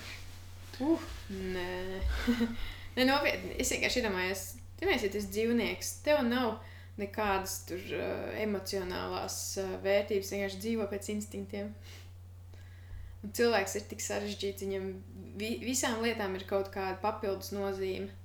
Viss vis tā mūsu, nezinu, mentālā sistēma, viss, vis, kā, kā mēs domājam, reāli čakarīgi. Mm. Tiešām dažreiz ir būt grūti cilvēkam. Ir, jā, nav, nav, nav viegli. Un, un labi, la- 30 gadi jau man šķiet diezgan labs laiks, kad beidzot saprast to, ka viss jau ar mani ir kārtībā. Jo arī 70 gadi ir labs laiks. Galvenais, ka Jā. tu līdz tam nonāc. Jau vien, viena laimīga diena jau ir super. Nu, tā, kā, tā jau ir dāvana. vai ne? Nu, tev 70 gados tu saproti, ka tev viss ir kārtībā. Nu, varbūt tev tur gūž, gūžai kaut kas vainas mm. ir vai kaut kas tāds, bet nu, vispār tā ir nu, mentāli tīra. Vispār. Jā, žēl, ka es nesapratu ātrāk, bet forši, ka es saprotu tagad. Nu, es, es vienkārši iedomājos, man 75 gadi, visu dzīvi no, nodzīvoju, viss slikti ir. Un pēkšņi, oh, Anāk, Eureka! Viss beigas labi un nomirst. Tas gan būtu stulbi. Nu, tā kā, ja tev ir viena stunda prieka, Nu, Mums ir tā, arī tā vērta, bet tomēr Mums žēl. mums ir tā problēma, zini, tas ir apmēram te iedod, ir ārā karsts laiks, un tu atceries, ka tev saldējums bija somā. Un tu izvēlējies ārā to saldējumu, viņš ir itī puskus. Nu, tā, ka, nu, viņš vairs nav tāds, kā viņš bija. Viņš, uh -huh. ir, viņš ir puskus. Un tur ir tāds, man beigas reāli, tas viņu būtu apēdis, bet viņš vēl ir. Tu Jā. vēl vari tā kā pagūt. Nu, tā kā vēl, jā, stunda vai ne? Jā. Bet stunda. Nu, jā, Nu, vismaz to. nu, Ir, eh, ir tāds eh, Garijs Veinerčaks, kas eh, nemitīgi cilvēkiem saka, nav par vēlu. Mm -hmm. Jums liekas, ka jūs esat, jums ir 20, tur nezinu, 7 gadi. Jums liekas, ka jūs jau visu, visu dzīvi ir garām. Jā. Jums nesanāks nekāds bizītis vai, vai kaut kas. Viņš Bizītis? Bizness. Es domāju, visi bizītes vairs nevar pīt. Nē, bizītis es nepītu. Bet uh, jums nesanāks, nē, bullshit. Tas viss Jā. ir. Man ir, cik viņam ir kaut kādi 40, 40 pāri. Man Mm. Džeki, meitenes, es jūtos jauns, joprojām man idejas, es maucu vienkārši. Un, uh, ja jūs satapsieties arī 45, 50 gados, ka jāsāk maukt, ir nu mauciet. Jā, es uh, arī mēģinu domāt visu laiku, m- mēģinu sev, sevi noskaņot ar domu, ka ir vēl rītīgi daudz laika priekšā. Jo man liekas, ka, ka uh, visu laiku, tad, kad esi konkrētajā brīdī, piemēram, tagad man ir 30 gadi, man liekas, oh, visa dzīve jau garām. Es zinu, ka tas ir pilnīgi, pilnīgi stul, tās ir stulbības, bet jebkurā mirklī, kad tu dzīvo, man šķiet, ka vairumam cilvēku ir sajūta, ka viss jau garām. Pat ja tev ir 12, tev liekas, ah, n- nē, no, tagad tu esi tīns, tad bija citādākas tās sajūtas, bet apmēram tagad, kad tev ir 20, 21, 22. Tad liekas, ka viss jau ir pagājis, neko vairs nevar, ah, es jau vecs un tādā garā. Mm. Un jo, jo ilgāk tu dzīvo, jo patiesībā tu saproti, bļāviens, nu, tu nu gan biji jauns un stulbs, kā tu varēji domāt, ka tev nav laika, tev ir tik daudz laika, tu vari tik daudz ko izdarīt, tik daudz resursu, tev enerģija ir, tev viss ir, varbūt nauda nav tev 20 gados. Mhm. Un, um, un tad, kad tev ir 40 gadi, tad iespējams arī liekas, ah, nu man jau tur 30 pagāja, 20 pagāja, bet tad, kad tev būs 60, tad domās, viens, kurš bija stulbs 40 gados, tik daudz laika vēl priekšā. Un man liekas, ka jo vecāks tu esi, jo vairāk visi iepriekšējie tev liekas kā tādi 11 gadīgi stulbiņi, Mm -hmm. kuri nesaprot to, cik viņiem patiesībā ir daudz laika. Un uh, man vienkārši atskatoties tā, ir, es domāju par sevi. Jā, viens 16 gados man vajadzēja vairāk ar draugiem iet tur kaut ko darīt, vajadzēja vairāk iet cēsīs uz panākumu, balēties. Un, uh, un toreiz jau tev neliekas, ka tev ir viss laiks. Un tā, es nezinu, kas tas ir kaut kāds cilvēka. Tā, tā, tas ir totāli cilvēka brāļs. Viņam visu laiku liekas, ka viņam nav laika. Pat tad, ja viņam ir tik daudz laika. Un tad, kad viņam nav laika, tad viņš pēkšņi sajūt to, kā, ka katra minūte ir dārga. Tas ir ti- tik kaitinoši. Tāpēc, ka mēs baigi, tāpēc, ka mēs baigi nesaprotam, kā pie vēlna tas laiks strādā. Jā, Mums arī, zina, kā mums ir, es eh, redzu, šis arī tas eh, stāsts par to, ka mēs tik daudz nezinām. Un eh, mēs stabili, stabili zinām, ka nu, mēs dzīvosim nu, kaut kādi 70, 80 gadi. Nu, vidēji tur. Protams, rītdien nav apsolīta un kaut kas vienmēr var notikt. Bet eh, nu, tā parasti cilvēki izdzīvo. Mums ir, mums, cik mēs zinām, nekas jau tālāk nav. Mums liekas, ka tas ir viss mums piešķirtais laiks. Nu, varbūt tā nemaz nav. Un, mūs, un mēs šajā laikā, kas ir varbūt milz, maziņš, maziņš sprīdīts no tā, kas mums vispār ir tas laiks, tikai kaut kādā citā nezinu, stāvoklī, mums liekas, ka mēs visu laižam garām un ka, ka, ka, ka viss jau ir paskrējis. Un, un uh, pienāk tie 80 gadi, un tu nomirsti, un tad tu pēkšņi nemaz izrādās nenomirsti. Un tu pēc tam tas viss turpinās, un tev tāds bācis, un es visus tos 80 gadus satraucos par to, ka man nav laiks. Tā varbūt tā nevar būt. Es Jā. nezinu. Uh, Neviens tev ir nezina. jānoskatās The Good Place. Tas Tā ir tā filma, tieši- kur, paradi, kur nonāk tas cilvēks paradīzē, un viņš, viņam nevajadzētu būt paradīzē. Jā, nu, Skaidrs. s- seriāls. Jā. Jā. Viņš, ir, viņš tieši par šo jautājumu runā par to, ka, ja mēs zinātu, ka visu laiku viss būs labi, mums tā kā ir nebeidzamā dzīve, vai mums vispār tās lietas, kas šobrīd sagādā prieku, vai viņas mums vispār sagādātu vairs prieku. Nu, Mm. mm. nu, par to arī ir jādomā. Jo mēs šobrīd dzīvojam visu laiku ar domu, ka mēs, mums ir ierobežots laiks. Mēs nomirsim, tad mums ir jāizbauda maksimāli. Mums ir jārada bērni, jātaisa karjeras, mums ir viss, viss jāpiedzīvo, jābrauc tur ar. Uh, nezinu, rodeļiem. Kā es atceros, prātā, kas tas ir dīvaini? Jā, tā ir dīvaina lieta. jo Izlikt ar izplatni. Nu, Braukt ar rodeļiem. Jā. Tev ir jādara viss maksimāli, lai piedzīvotu tādu sajūtu, kulmināciju un tā dzīve būtu vērtīga. Bet tajā brīdī, kad tu zini, ka tev ir bez ierobežu uh, laiks, vai tev tās lietas, tur tā kā, kādiem man vispār tas ir jādara, es jau visu laiku būšu. Tev pirmkārt ir sajūta, ah, nu, nu, tā kā es varu izdarīt to pēc simt gadiem, kāpēc man tas ir jādara tagad.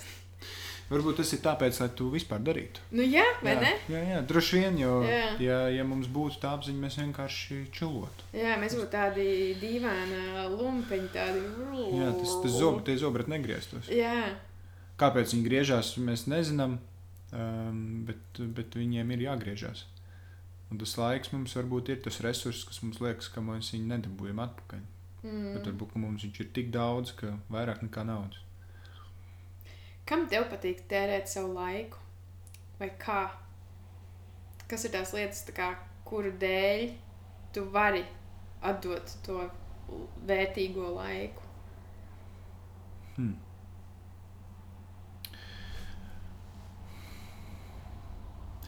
Kādu projektu taisīšanu droši vien. Um, kaut kādas idejas realizēšana. Ka pazūd pilnīgi nu, jebkāda doma par to, vai do, saprot, to laiku varētu ieguldīt jebkur citur, un tas uh, finansiāli vai kaut kā citādi nestu lielāku labumu. Uh, bet man tā ideja liekas, wow, šis, nu, tā kā šito es gribu izdarīt. Nu, Šis ir, šī ideja ir tas mans nobraukt ar rodeli. Mm -hmm. Šis man jāizdara. Mm -hmm. Un tam aizies daudz laika, un uh, es varbūt atpakaļ no tā neko nedabūju. Bet uh, ir tāds, jā, novalk, es nobraucu ar to rodeli. Um, un kaut kāds films, kas man patīk. Jo tas, kā tur aiziet laiks, ir tiešām varētu šķist, ka bezjēdzīgi, jo ir kaut kāds films, kurus es esmu redzējis pārāk daudz reižu, Mm -hmm. un es viņus turpinu skatīties. Un es nezinu, man, te, man nav nekāda attaisnojuma, kāpēc. Man vienkārši šis ritīgi patīk. Un, uh, man laikam patīk laiku tērēt tur, kur, ko man patīk darīt. Un man ir grūti laiku tērēt tur, kur, uh, kur man to nepatīk. Mm. Es neredzu, neredzu jēgu. Tas ir tās filmas, ko es redzēju daudz reizes. Nu, ātrs un bez žēlastības. Mm. Pirmā daļa. Jā, es tieši gribēju prasīt, kur daļa. Jā, pirmā daļa. Um, Into the Wild. Mm -hmm. Harijs Poters ir redzēts Mm. mm. pārāk, pilnīgi viss ir redzēts pārāk daudz reižu no šiem, nekā vajag. Un tā, telts, telt, ah, nevis telts, bet tilts uz uh, terabīti ir uh, redzēts. Es vairs, es kaut pāris gadus neesmu skatījies, bet, uh, un filma, kas tiešām varētu likties, ka ir bezjēdzīgi tāda filma skatīties, ir tāda filma Elizabeth Town. Kur es pirms uh, es dzīvoju Limbaģos, vēl, man liekas, mācījos vidusskolā vai, vai, vai bija ārpus, jau ārā no vidusskolas. Bet es uh, ien- ienācu istabā un pa televizoru gāju kaut kādu filmu. Tā bija Elizabete Town, un es viņu sāku skatīties. Viņa bija tikko sākusies. Un es skatījos to filmu, un es nesaprotu, kas tur vispār notiek. Tā kā vispār nekā īsti nekas nenotiek. Vienkārši filmu, tu skaties, cilvēku kaut kādu dzīvi dzīvo. Un tā filma beidzās, un nu, man bija tāds foršs filma. Es joprojām nesapratu, nu, kā, nu, tur nebija nekāda tur kāpinājums, tur saspīlējums, tur cilvēki risina attiecības, nekādas spriedzes, nekāda ļauno, nekā. Un tu vienkārši skaties, un ir tāds cilvēki dzīvo Amerikā, Orlando Blūms. Es tieši gribēju teikt, es esmu viņu redzējis kaut kad, un es atceros, ka tur bija Orlando Blūms. Jā, Un viņai tiešām ir tāda sajūta, mm, cilvēki vienkārši tur ir. jā. Jā, Vienkārši, un es to filmu esmu redzējis vairāk, vairāk reizes nekā vajag, un tur tiešām nekas nenotiek. Un, bet tu viņu ieslēdz, un es pabūšu tur. mm. Man nav žēl tam laika. Varētu likties, ka tas ir muļķīgi. Kam tev patīk tērēt? Neskaitot grāmatas. Nu, tad jau tu man noņēmi visu, kas man patīk. Nē, um, man patīk tērēt laiku. Mm, Tērēt, piedod, tērēt varbūt nav vislabākais vārds. Varbūt, lai tas skanētu labāk, jo tērēt skan tā, ka, nu, beidz tērēt naudu uz sūdiem. Mhm, Ja? mhm. Varbūt veltīt laiku būtu precīzi. Veltīt laiku. Man patīk veltīt laiku, um, braukt ārā, būt kaut kur mežā un redzēt dabu. tādu, kas ir pēc iespējas mazāk, pēc iespējas prom no cilvēkiem. Jo man šķiet, ka tad es mazliet apstādinu laiku, un es esmu kaut kādā pasaulē, kas it kā ir visu laiku man blakus, bet viņi darbojas paralēli. Un tāds ir, tā kā, tas ir kaut kāds noslēpumainais universs. Mm -hmm. Tad, ja es esmu. Um, nu, Spilgts piemērs. Es kaut kad uh, studiju laikā uh, mērķis braukt uz Cēsīm ziemā iet slēpot ar distancenēm pie mājas mežā. Un tur bija tāds izcirtums, kur bija uh, kādi krūmiņi, bet bija arī trīs lielas priedes, un viņas visu laiku vējā lēnām šūpojās. Un tur apkārt nebija neviena māju, uh, nevienu cilvēku. Un es vienmēr slēpoju pa turieni un apstājos, izņēmu austiņas. Un, uh, un bija pilnīgs klusums, tikai tās priedes tur šūpojas. Un tajā brīdī ir rītīgi dīvaina, lēna laika sajūta. Jo tev nav neviena cilvēka, kas, kas tā kā pātrina to laiku, un tu esi kaut kur, um, kur ir kāds koks šūpojas, viss notiek, bet tajā pašā laikā liekas, ka dabai ir pilnīgi cita pasaule. Viņi dzīvo, viņi dzīvo pēc saviem noteikumiem. Um, mums, kā cilvēkiem, visu laiku ir tāds, uh, nu, es pamostos, eju uz darbu, es tur veidoju uh, uh, kašķi kaut kādu tur uh, andu darbā, vai oh, mēs ejam iedzert kafiju ar tādu un tādu kolēģi. Tev ir savs kaut kāda, sava kaut kāda iekšējā pasaule, bet paralēli visu laiku tam uh, visu laiku notiek kaut kādas, nezinu. Klimats mainās, uh, mežā uh, nokrīt lapas, atkal parādās lapas, dzīvnieki pavasaros uh, pārojas, aug bērni, tie bērni aiziet bojā, nu, mazuļi kaut kādi.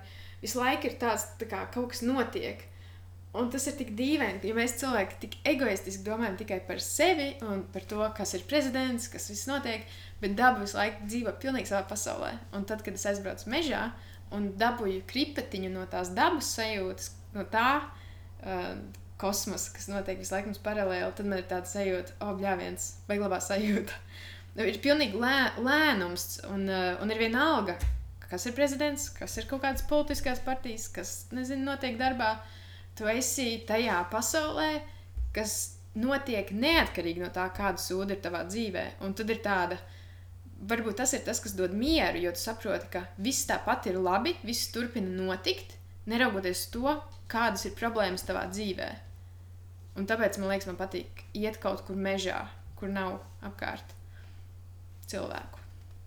Bišķi. Baigi gara atbilde, sorry. Viņš kā, nē, kārtībā, viņš ap, apstādināt laiku. Jā, jā, jā. Tu velti laiku tam, lai apstādinātu laiku. Aha, tieši tā.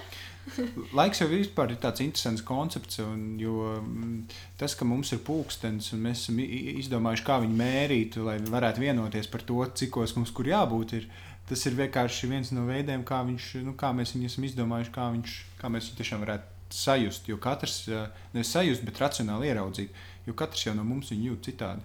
Man šobrīd pūkstens tikšķi vai nu lēnāk vai ātrāk par tavējo. Mm. Tāpat kā Harijam mm.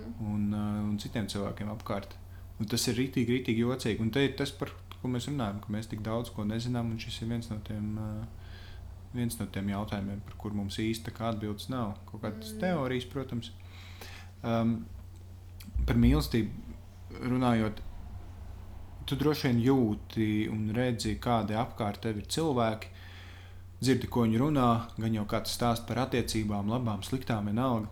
Kā tev šķiet, kas tavā uh, burbulī um, tiem cilvēkiem šajā jautājumā, runājot par mīlestību, ir nepieciešams, kas viņiem pietrūkst?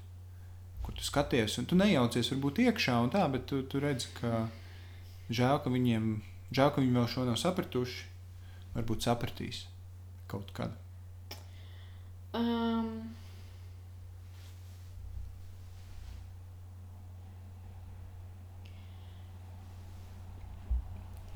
Tas, ši, šis man ir tāds novērojums, ko es esmu sapratusi. Um, vienkārši vērojot kaut kādus cilvēkus, par kuriem es nesaprotu, kā viņi ir atraduši viens otru un kāpēc tieši viņi ir izlēmuši sajiet kopā. Um, tas secinājums ir tāds, ka man dažreiz liekas, ka cilvēki pasteidzas par ātru, vai arī viņi vēl aizvien nesaprot, kādēļ vispār ir jābūt attiecībās. Um, es vienkārši esmu redzējusi kaut kādus piemērus, kur cil divi cilvēki, kas ejiet kopā, ir pilnīgi no dažādām pasaulēm, un, uh, un mēs jau mēdzam teikt, ka pretpoli pievelkas un tādā garā, un līdz kaut kādam uh, vienam, uh, kaut kādā veidā tā ir, jo mēs viens otru papildinām. Bet es runāju par tādiem tiešām nu, pilnīgi kā, no dažādām pasaulēm piemēriem, kur uh, nu, tu pat jūti, ka galīgi nesaiet kopā un pats nemāki tik labi izskaidrot, kā gribētos. Man vienkārši gribētos, lai cilvēki saprot, ka nav jāskrien tur 11 gados vai 20 gados veidot attiecības tikai tādēļ, ka tā ir pieņemts un kad ir jāskrien tā kā um, jāprecas un jādzemdē bērni tikai tādēļ, ka varbūt tev arī uzspiež ne tikai sabiedrība, bet arī vecāki vai vēl neskas. Tev ir kā, jādomā līdzi, vai tiešām tas cilvēks, ar kuru tu esi saticies, ir kā tev, vai arī viņš drīzāk atbilst it kā kaut kādam stereotipam par to, kāds ir vīrs vai sieva. Man liekas, ir vairāk jāiz, jāuzticas tam iekšējam, iekšējai sajūtai, ko mēs jau runājām. Tur grūti sadzirdēt tās savas, sav, savas acis. Viņas ir grūti dabūt tīras, lai tu reāli varētu redzēt, visu laiku ir apkārtējo viedokļu un tā. Un, uh, un man liekas, ka, piemēram, ja mēs patinām atpakaļ kaut kādus, nezinu, kad vienam laiks bija 30 gadu atpakaļ, da, tik daudzi, nezinu, droši vien mūsu vecāku laikā, tik daudz sajiet ātri kopā, ātri sadzemdē bērnus, un vēl te tad ir tas, tas šķiršanās proporcija bez 50, 50. Nu, tas tra, traks skaitlis. Mm. Un, un es jau neesmu par to, lai cilvēki sajiet kopā tikai tad, kad viņi zina, mēs taču būsim visu mūžu kopā. Jo vienmēr var viss kaut kas notikt. Cilvēki izaug katrs uz otru pusi.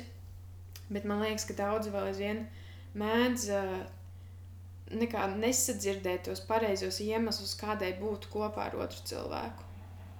Un tad, ja es redzu cilvēkus, kas tā sēž kopā, man ir, man ir žēl, es viņus līdz galam nesaprotu. Jo man liekas, ka viņi paši pēc tam ir nelaimīgi, un pēc tam bieži vien paši šķirs, at, šķir attiecības. Un, jā.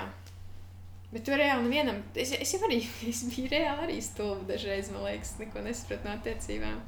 Tas tikai kaut kas, ko tu varbūt vēlāk saproti.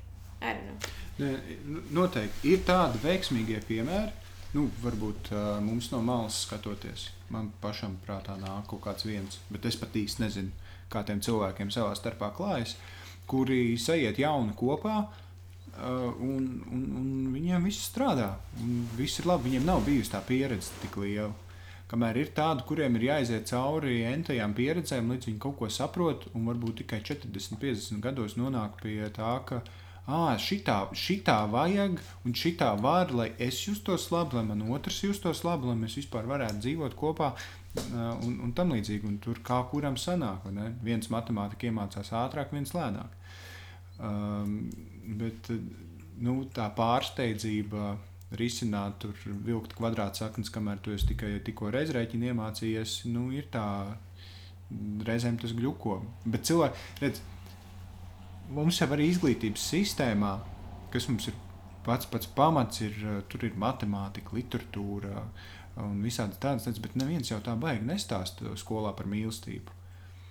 Vai, vai, Veselības tad... mācīja, mācībā mums mācīja par drošu seksu.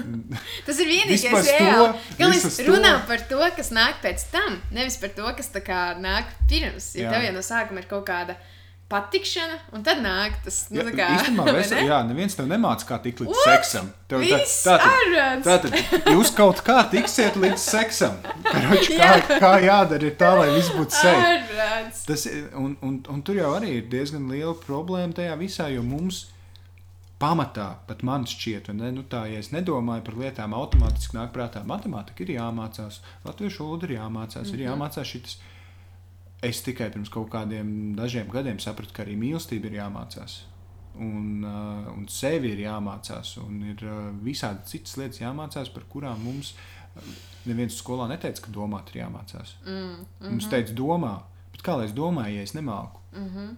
Es pat, man pat nav tāds jautājums, vai es māku vai nemāku. Neviens nav man pa paprasījis, nu, neviens nav teicis, ka, ka, ka ir tāda lieta kā mācīt domāt. Vēl pēc tam kritiski domāt, kas tas ir vispār par, par ziloni.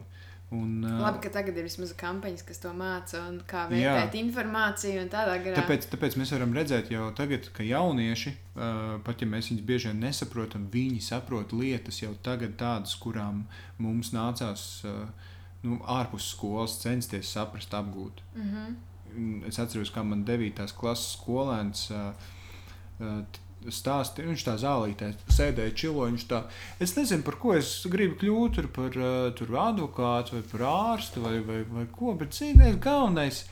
Tas galvenais, ko es gribu, es gribu darīt to, ko man patīk darīt, un es gribu būt laimīgs. Un es 9. klasē, tā man tāda ideja prātā neienāca. Man tāda ideja ienāca prātā, esot uh, augstskolā un saprotot, ka man šis nepatīk. Un tu sāc domāt, kāpēc man nepatīk, kas mm. man patīk. Mm -hmm. uh, tas pirmkārt, tādas atziņas izmaksā ļoti dārgi. Tu, tu iztērēji daudz uh, laika, neveltījis, bet iztērēji daudz laika, lai tiktu pie tām atziņām, kuras tev skolā vienkārši kāds varēja pateikt. Iemācīt, uh, nu, varbūt ne iemācīt, bet atklāt, ka ir tādas opcijas, kā dari to, ko tev patīk darīt, un tu būsi laimīgs un veselīgs un darīsi labumu citiem, nedarot pāri sev. Uh, Un, uh, un mīlestība ir tā skaitā starp šiem priekš, priekšmetiem. Tas ir tāds nu, dziļi arī nu, filozofisks priekšmets. Un es īstenībā nezinu, kā jaunieši, ja man kaut kas, nezinu, 12 gados vai 13, nezinu, 13 14 gados sākt stāstīt par mīlestību, kā es to uztvertu. Jo nu, skaidrs, ap tādu vecumu. Viņš ir ierēkts nu, jā, bet tu jau arī veselības mācībā ierēci. Protams, bet, bet, tev, bet būsim atklāti. Tas, ko mācīja veselības mācībā, pat ja mēs tur ņirdzām un rēcām, un dažs sarka, un, da, un, un dažs bija vulgārāks vai kā, bet mēs iemācījāmies. Mm -hmm.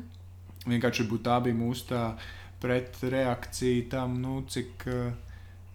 Cik varbūt jūtīgs ir tas temats, vai, vai kāds tā būtu, tas mēdz būt, un tā mēs reaģējam ar kaut kādu humoru, varbūt arī ar mīlestību reaģēt. Jo uh, daudziem man šķiet eh, tieši padomju laiku uzskatu dēļ daudzās ģimenēs tēma mīlestība nemaz netika cilāta. Un es pieļauju, ka, ja mums kaut ko tādu cilātu, mums arī liktos, ka, tā, ka mīlestība ir tabū tēma. Seks droši vien visu laiku būs tabū tēma, mm. bet kāpēc lai mīlestība tāda būtu? Un mums droši vien būtu tāda pati reakcija.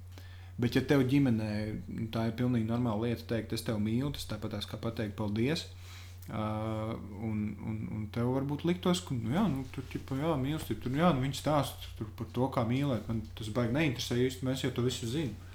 Forši, ka tu zini, jo tas nozīmē, ka tev kāds to ir iemācījis. Ja tev ir garlaicīga stundā, kurā stāsta par mīlestību, ja tev ir garlaicīgi, jo tu zini, tas ir super. Jā, nu, zini kā, tiešām veselības mācībai, lai paliek tās veselības mācības tēmas, bet par to mīlestību man liekas, ka tur atkal vecākiem ir ļoti liela loma un vispār ģimenei mājās ir liela loma, jo man liekas, tur mēs arī iemācāmies to pirmo priekšstatu par to, kas ir mīlestība, kas ir vecāki, kādēļ mamma un tētis dzīvo kopā, kāpēc viņi viens otru mīl. Tas ir mums reāli pirmais piemērs, par, pēc kā mēs arī va vadamies, um, lai um, izveidotu, kā, replicētu to, nu, jo tā mums ir iemācīts. Mm. Un, uh, jā, un mēs jau zinām, kā ir. Uh, ne, Katrā ģimenē mācās citādi, katrā ģimenē ir citi vecāki ar citām attiecībām. Un, un tādi jau mēs arī izaugam. Cit, citiem ir tas labais piemērs, citiem ir tāds pašapakāks, un tu dzīves laikā mēģini saprast, ko vajag aizpildīt un, un tādā garā. Un, Nu, es pieļauju, ka veselības mācībā, kāpēc viņi ir skolās, ir nu, daļai jau arī vecāka atbildība varētu uzlikt, nu, vecākiem uzlikt tādu atbildību, ka jums ir jāmāca bērniem par seksu mājās. Bet arī vecākiem varbūt tas ir tabū temats, un tad viņi nemāca. Un tad, attiecīgi, tā kā tas var skart veselības nozari, tad kāds ir izdomājis, ka, zin kā, neusticamies tiem vecākiem, jo kas zina, kā viņi iemācīs, ko viņi iemācīs, un vai vispār. Mm. Vienkārši uzliekam to kā obligāto priekšmetu jo tas racionāli skar tieši veselības nozari. Uh, mīlestību gan jau, ka varbūt prātā nevienam nenāk likt kā kaut kādu priekšmetu izveidot, jo uh, mentālā veselība, eh, pat tagad, kad nu, par mentālo veselību runā ar vien vairāk un vairāk, uh, joprojām nu, no racionālās puses ir tāds, nu, ķip, nu ko jūs smurgojat. Jā, un Reku arī tieši tas, ko teica, ka mēs ņirgājamies par to vai smējamies par to, kas mums ir tā kā tabū tēma un par ko mēs nejūtamies uh, ērti runāt nu, par tiksim, seksuālo veselību, bet uh, arī par mīlestību un arī par mentālo. Nu, līdz šim cilvēki ir bijuši, labi, ka mīlestība vēl citiem, bet par to mentālo veselību. Mm. Cilvēki vēl aizvien mēdz nesaprast, kāpēc tas ir būtiski, kāpēc ir būtiski runāt par to, kāpēc ir svarīgi runāt par depresiju un cik ļoti tā var novest tevi līdz vienkārši pēdējai pilītei.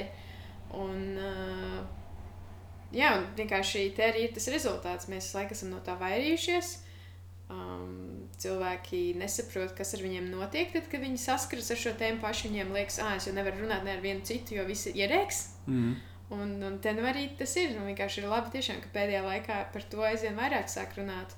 Un iespējams arī ar mīlestību ir tā, tāda pieklibošana, jo, piemēram, arī vecāki var būt, ja tu īsti pats nesaproti, kas ir mīlestība, ko tu bērnam iemācīsi. Mm -hmm. Un tad vienkārši veidojas tāds tā kā visu laiku ar tādu klibu kāju. Visi, katra nākamā paudze, nu, kā vien var, cenšas mm -hmm. iemācīties, ka, kas tas ir ir jau arī grūti redzēt, veselības mācībai ļoti viegli saprast, nu, kas tad ir jāiemācās ļoti mm. konkrēti. Bet eh, ar mīlestību ir tā, ka nu, tas ir tik ļoti plašs un daudzšķautnēni, ka nu, tad, kāds ir nolikums, kas tad ir jāmācās un kas to var mācīt vispār. Webster's dictionary jā, defines. jā, un, un, un, kā tu, un kā lai nodefinē mīlestības skolotājs, kas tas ir? Kā, kā lai tas ir? Tas izklausās pēc kaut kādas uh, R-rated filmas. jā, visp, jā. Nu, redz, tas ir, tab, tas ir absolūts tabū. Redz, nu, redz, pat, es pat kaut ko redzu, Kristīna, lūdzu. Bet, bet, nē, bet zin kā, tas jau arī, pat ja tas uh, cilvēkiem un pat skolēniem liktos smieklīgi, ne, lai ir, jo tā informācija jau kaut kur par, par to runā. Varbūt pat ir svarīgāk, ja nevis iemācīt, ka varētu būt šitā vai varētu būt tā, bet ka vispār ka par to mēs varam runāt kur par to tu vari runāt ar savu partneri, par to tu vari runāt ar saviem vecākiem, kolēģiem, vienalga. Un uzdot šos jautājumus, kā ir tev, varbūt tu zini. Mm -hmm. Jo, tas, eh, jo, ta, jo tā ir tā māksla vai tas priekšmets, ko mēs apgūstam dzīvē, ar savu pieredzi un ar savām sajūtām, nonākam pie kaut kādām atziņām, un kāds, kādam ir atbildes, kuras tev varbūt ir vitāli šobrīd nepieciešams. Jo tev mājās gaida kāds, kurš tev nesaprot, un tu nesaproti viņu, un ko, kur lai tu liecies un, uh, un tam līdzīgi. Jā, un man liekas, ka te mēs atkal atgriežamies pie tā, ko tu teici iepriekš par to, ka um, mēs runājām par, uh, par to, ka muļķim viegli būt, un tad, ja tu esi uh, gudrāks, bišķi vairāk, ja esi kaut ko iemācījies saprast, tad saproti, ka vienkārši ir ļoti daudz viedokļu, veidi, kā dzīvot, un tu esi pieņemošāks, un savukārt tev ir grūti, ja kāds cits nepieņem, un ir ārkārtīgi kategorisks. Un, uh, Un arī par to mīlestību runājot, un, un visu pārējo, arī ir, ir būtiski pieņemt, ka vienkārši ir dažādas prakses, kā dara, dažādi attiecību modeļi, da, dažādas vienkārši pieredzes. Kaut arī ja mēs skatāmies uz savu nezinu, ģimenes pieredzi, kā mēs esam auguši. Un ir, ir svarīgi spēt pieņemt dažādo. Man liekas, ka bieži mums ir tāda pirmā aizsarga reakcija uzreiz sāk kritizēt, oh, nu, man jau tā nebija. Mm, tas gan kaut kāds dīvains, kas tas tā, ko viņš man stāsta, ka tā arī var būt. Un, uh, un jo vairāk mēs saprotam, ka tas, ka citiem ir citādāk, nenozīmē, ka mēs esam sliktāki, jo labāk mums pašiem ir beig beigās. Jo man liekas, pieņemšana, citādā pieņemšana ir pamatu pamats, lai tu pats vispār justos nu, mierīgi un stabili. Jo man liekas, tas, ka mēs visu laiku kritizējam to, ka citiem ir citādāk, tas vienkārši ir tā tiešām aizsarga reakcija. Jo mums mm. uzreiz liekas, ka, ja citiem ir citādāk, tad man kaut kas nav kārtībā. Un tad sāc kašķēties, un, oh, nē, bet tev jau nav taisnība, jo ir tā, kā es saku. Mm. Un, jā, man liekas, tas arī ir kaut kas, ko es gribētu arī labāk iemācīties. Tā kā pēc iespējas neitrālāk spēt uztvert visu, kas ir kā citi dažādi domā. Laikam jau vienkārši jādabū pa pekstēm. Ir. Kā tas tev domā? tā, ka tu. Uh, man liekas, tāds labs piemērs ir, ja tu esi visu, visu dzīvi bijis homofobs. Mm -hmm. uh, man tas vienkārši ļoti, ļoti tieši piemērs, kā mm -hmm. tu saprast. Visu dzīvi esi bijis homofobs, un tu vispār nesaproti, kā, kā vispār geju un lesbiešu vai visu pārējo burtu attiecības strādā. Un tad tu uzzini, ka tev labākais draugs ir gejs vai lesbieta. Vienalga. Un, un tas ir tā, ka tu dabū pa pekstēm. Jo tev ir bijusi visu laiku pārliecība, ka, nu, ka ir šitā jābūt. Un tad tev tavā, tavā dzīvē izrādās, ka nu, ir tāds cilvēks. Nu, kā tu reaģēsi uz to? Nu, tur būs kaut kāda nesapratne un tam līdzīgi, un kaut kāds iekšēji droši vien tevī kaut kas vārīsies. Nebūs tā, ka, ah, nu, skaidrs, ka roči. tad jau geju un lesbietis ir ok. uh, tam droši vien tas tev priekš tevis tāds milzīgs pārmaiņu process būs. Bet uh, nu, es domāju, ka vairums gadījumu, ja, ja tas cilvēks ir bijis tūs vai ir tūs, tad uh, cilvēks saprot un mainās. Tas ir tā, ka tu dabū pa pekstēm. Mm -hmm. Ka tu, uh, tu nespēji saprast to dažādo, to, to citādo, un, uh, un tad tu dabū izjust uz savas ādas, kā tas ir. Ka tev blakus, nu, tie, tie veidi un piemēri noteikti dažādi ir, kā tu to dabū izjust un kas tas ir, ko tu nesaproti. Bet, uh, kaut kas, kas tev liek kā, saprast? Man liekas, ka tas ir tiešām veiksmīgs gadījums, ja tu dabū pa pekstēm un tu iemācies pieņemt. Um, jo man, man liekas, ka ir arī tie sliktie gadījumi, ne tik veiksmīgie gadījumi, kad uh, tu nevis pieņem, bet tu vēl vairāk atsvešinies un, un nu, ne, nevis pieņem to, ka kāds tavs draugs ir, teiksim, mm -hmm uh, homoseksuāls, bet vienkārši izslēdz, kā, kā viņš vispār nebūtu bijis. E, noteikti. Cik cilvēki tik pieredzi mm. un situācija. Bet jā, tas ir. Uh, man liekas, ka pali... tāpēc jau arī ir visi gājieni, ir visādas, visādas likumdošanas un likumprojekti un, un kampaņas, lai par to runātu. Un bieži vien tie, kas ir pret dažādo, jebkādā veidā, viņi vienmēr saka, ka Kāpēc mums vajadzētu par to klausīties? Kāpēc jums tur jāiet un jārunā? Sēdiet mājās un dariet, ko jūs gribat, un lieciet mums pārējiem mieru. Bet tieši tas, ka mēs runājam par to, tas jau pacēl tieši aktualizē to tēmu. Un tad nav tā, ka mēs katrs dzīvojam savā mājā un nezinām, ko pārējie vispār dara. Bet mēs vairāk mācāmies pieņemt to, ka mēs esam dažādi. Mm. Un jo vairāk par to runā, jo ātrāk mēs mainamies un jo ātrāk mums liekas, ka ka kaut kas ir, nu, kā, ir normāli, ka ir arī tā. Nu, mm. Kas vispār ir normāli? Tas arī ir normāli. Mēs bieži vien normāli uzskatām, ka uh, mēs kaut kāda priekš, normāla priekš mums ir, ka ir šitā. Mm -hmm. Bet patiesībā normāli tas, ka, nezinu, tas, ka tur pasaulē ir daudz geju un lesbietes, tas ir normāli. Mm -hmm. Jo norma ir tas, kas ir, nu, kas ir norma, un mm -hmm. norma ir fakti. Un, uh, un tie ir fakti normāli ir tas, vardarbība ir normāla. Mm. Man tas neliekas, kā, man tas liekas nenormāli, mm -hmm. priekš manas vērtības sistēmas un tā, bet, nu, atslēdzoties no viss, tas ir normāli. Ir normāli, ka cilvēks ir vardarbīgs. Vai tas ir labi? Nu, droši vien jau, ka nē, kā es saprotu, bet, bet tā, tā ir norma.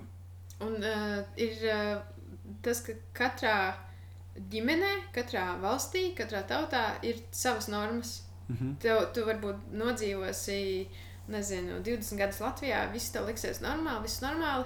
Aizbrauc uz citu valsti, un pēkšņi tev viss tur ir pilnīgi nenormāli, jo viņiem ir citas normas. Mm -hmm. Un tu, tu visu laiku mēģini saprast, kā, ka ir normāli arī tā, kā citiem normāli. Jā, ir citi dažādas yeah, normas. Jā, jā, jā. Tas ir baigi, baigi sarežģīti, kad runa ir par, uh, par kaut kādām migrācijām. Es par šo nesen domāju, uh, jo tas varbūt tas, lai viss būtu labi. Nebūs tā, ka visur vis, visiem viss būs vienāds, bet varbūt tā vienādā lieta, ko visā pasaulē mums vismaz vajadzētu mēģināt panākt, ir tā, ka pamatā katrs cilvēks spēj cienīt otru. Uh, un, un tur arī ir nu, jābūt mīlestībai. Cieņa bez mīlestības nepastāv, un, un, un mīlestības cieņas arī nē. Cieņa bez mīlestības nepastāv, mīlestības cieņas, jā, precīzi. Uh, un ir jābūt cieņai tu esi, tava norma ir šāda, mana norma ir šāda. Es tevi cienu par to, un te gan ir jābūt apusējam. Lai viss būtu labi, ja lai nebūtu kašķu, tev ir jāciena arī mani. Un te ir tas, uh, uh, te, te, te var runāt par jebko, par kaut kādām reliģijām, par robežām, par bēgļiem, kas nāk ar savu, savu kultūru, savām vērtībām, uh, un kas ir dažādas. Un mēs nesapratīsim iespējams viņas, un viņi nesapratīs mūsējās, bet viņi taču neaizmirstīs savas vērtības nu, mūsu dēļ. Vai, ja, ja nu, vienalga, tur kāds tu atbrauc uz, uz kaut kādu, nezinu, uz Koreju vai ne, un Ziemeļkoreju, un tev obligāti ir jāzina ziemeļkorejiešu valoda vai ne, korejiešu valoda. Tu neaizmirsīsi savu valodu. Bet tad pat laikā tu nevari izdzīvot arī nu, bez tās valodas. Tev ir jāciena tas, ka tur ir tā. Viņi cienīs, ka tev mm. ir kaut mm. kādas lietas, un kamēr tas nebūs pamatā, mums būs ļoti, ļoti grūti savā starpā vispār saprasties. Mm. Mēs neklausīsimies viens otrā. Mums nevajag dzirdēt, kādas ir tavas vērtības. Tas sūdz, tās tavas vērtības ir ar absolūtu necieņu. Un, ja mums pamatā tas būtu, gan jau, ka, gan jau, ka mēs vieglāk tiktu galā ar daudzām karstajām situācijām, kas pasaulē notiek. Un, Vai tā ir tā. lielāka empātija? Tā kā, ja, ja, ja katram no mums būtu, ja mēs būtu vairāk empātiski pret citiem cilvēkiem un viņu atšķirībām un viņu problēmām, vai tad mēs kā, izlīdzinātos tās tie kašķi. Jo man liekas, ka tur ir kaut kāda daļa patiesības. Var, nu, noteikti empātija jau nav, nav nekas slikts. Um, tā noteikti palīdz saprast lietas. Bet es domāju, ka, nu, lai visi būtu empātiski, tas ir tik tāls ceļš ejams. Bet varbūt cieņa, cieņa, savstarpēji cieņa varbūt ir pusceļš līdz empātijai. Uh, jo nu, tev jābūt baigi nu, empātija jātrenē. Cieņu tu vari. Cieņu tu vari notēlot. Cieņu tu vari notēlot, jā.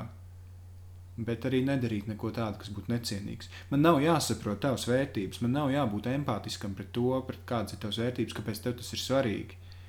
Uh, es vienkārši nu, es cienīšu tevi un daru, kas tev jādara, bet tu lūdzu cieni arī mani. Nav problēma ja tu ies vēl soli tālāk un centīsies saprast, uh, nu, ka, kas tad, kādas ir tavas vērtības, kāpēc tas ir svarīgi. Tu sapratīsi arī, kāpēc tavas vērtības ir svarīgas, un jūs pat iespējams viens otram palīdzēsim. Cieņa var būt tāda, ka sveiks, mēs šeit šajā telpā esam, mums nav jārunā mm -hmm. savā starpā, bet cienīsim viens otru un nedarīsim viens otram pāri savu pārliecību dēļ un nesapratnes dēļ. Um, empātija jau ir next level, man šķiet. Bet tas arī es kaut kur, kaut kur, kaut kur lasīju, nu, ņemot vērā, kāda ir pasaule un kas ir tā norma. Un, zik, tās normas ir dažādas, ka empātija ir. Nu, tas nav alfa male vai alfa female uh, pazīme. Tas ir beta un vēl uz leju. Un, uh, nu, alfa, alfas ir tās, kas. Mm, nu, tā es tos saspīlējums uh, starp cilvēkiem, valstīm un tam līdzīgi. Viņam pietrūkst tās empātijas, pietrūkst tās cieņas un tā.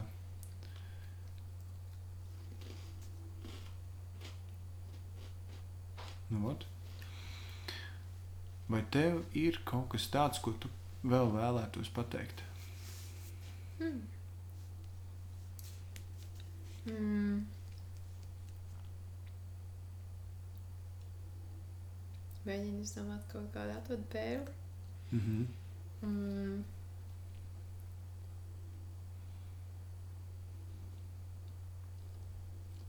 Mm. Nē, man nav. kas tas bija? es gribēju ieteikt kādu grāmatu par mīlestību, bet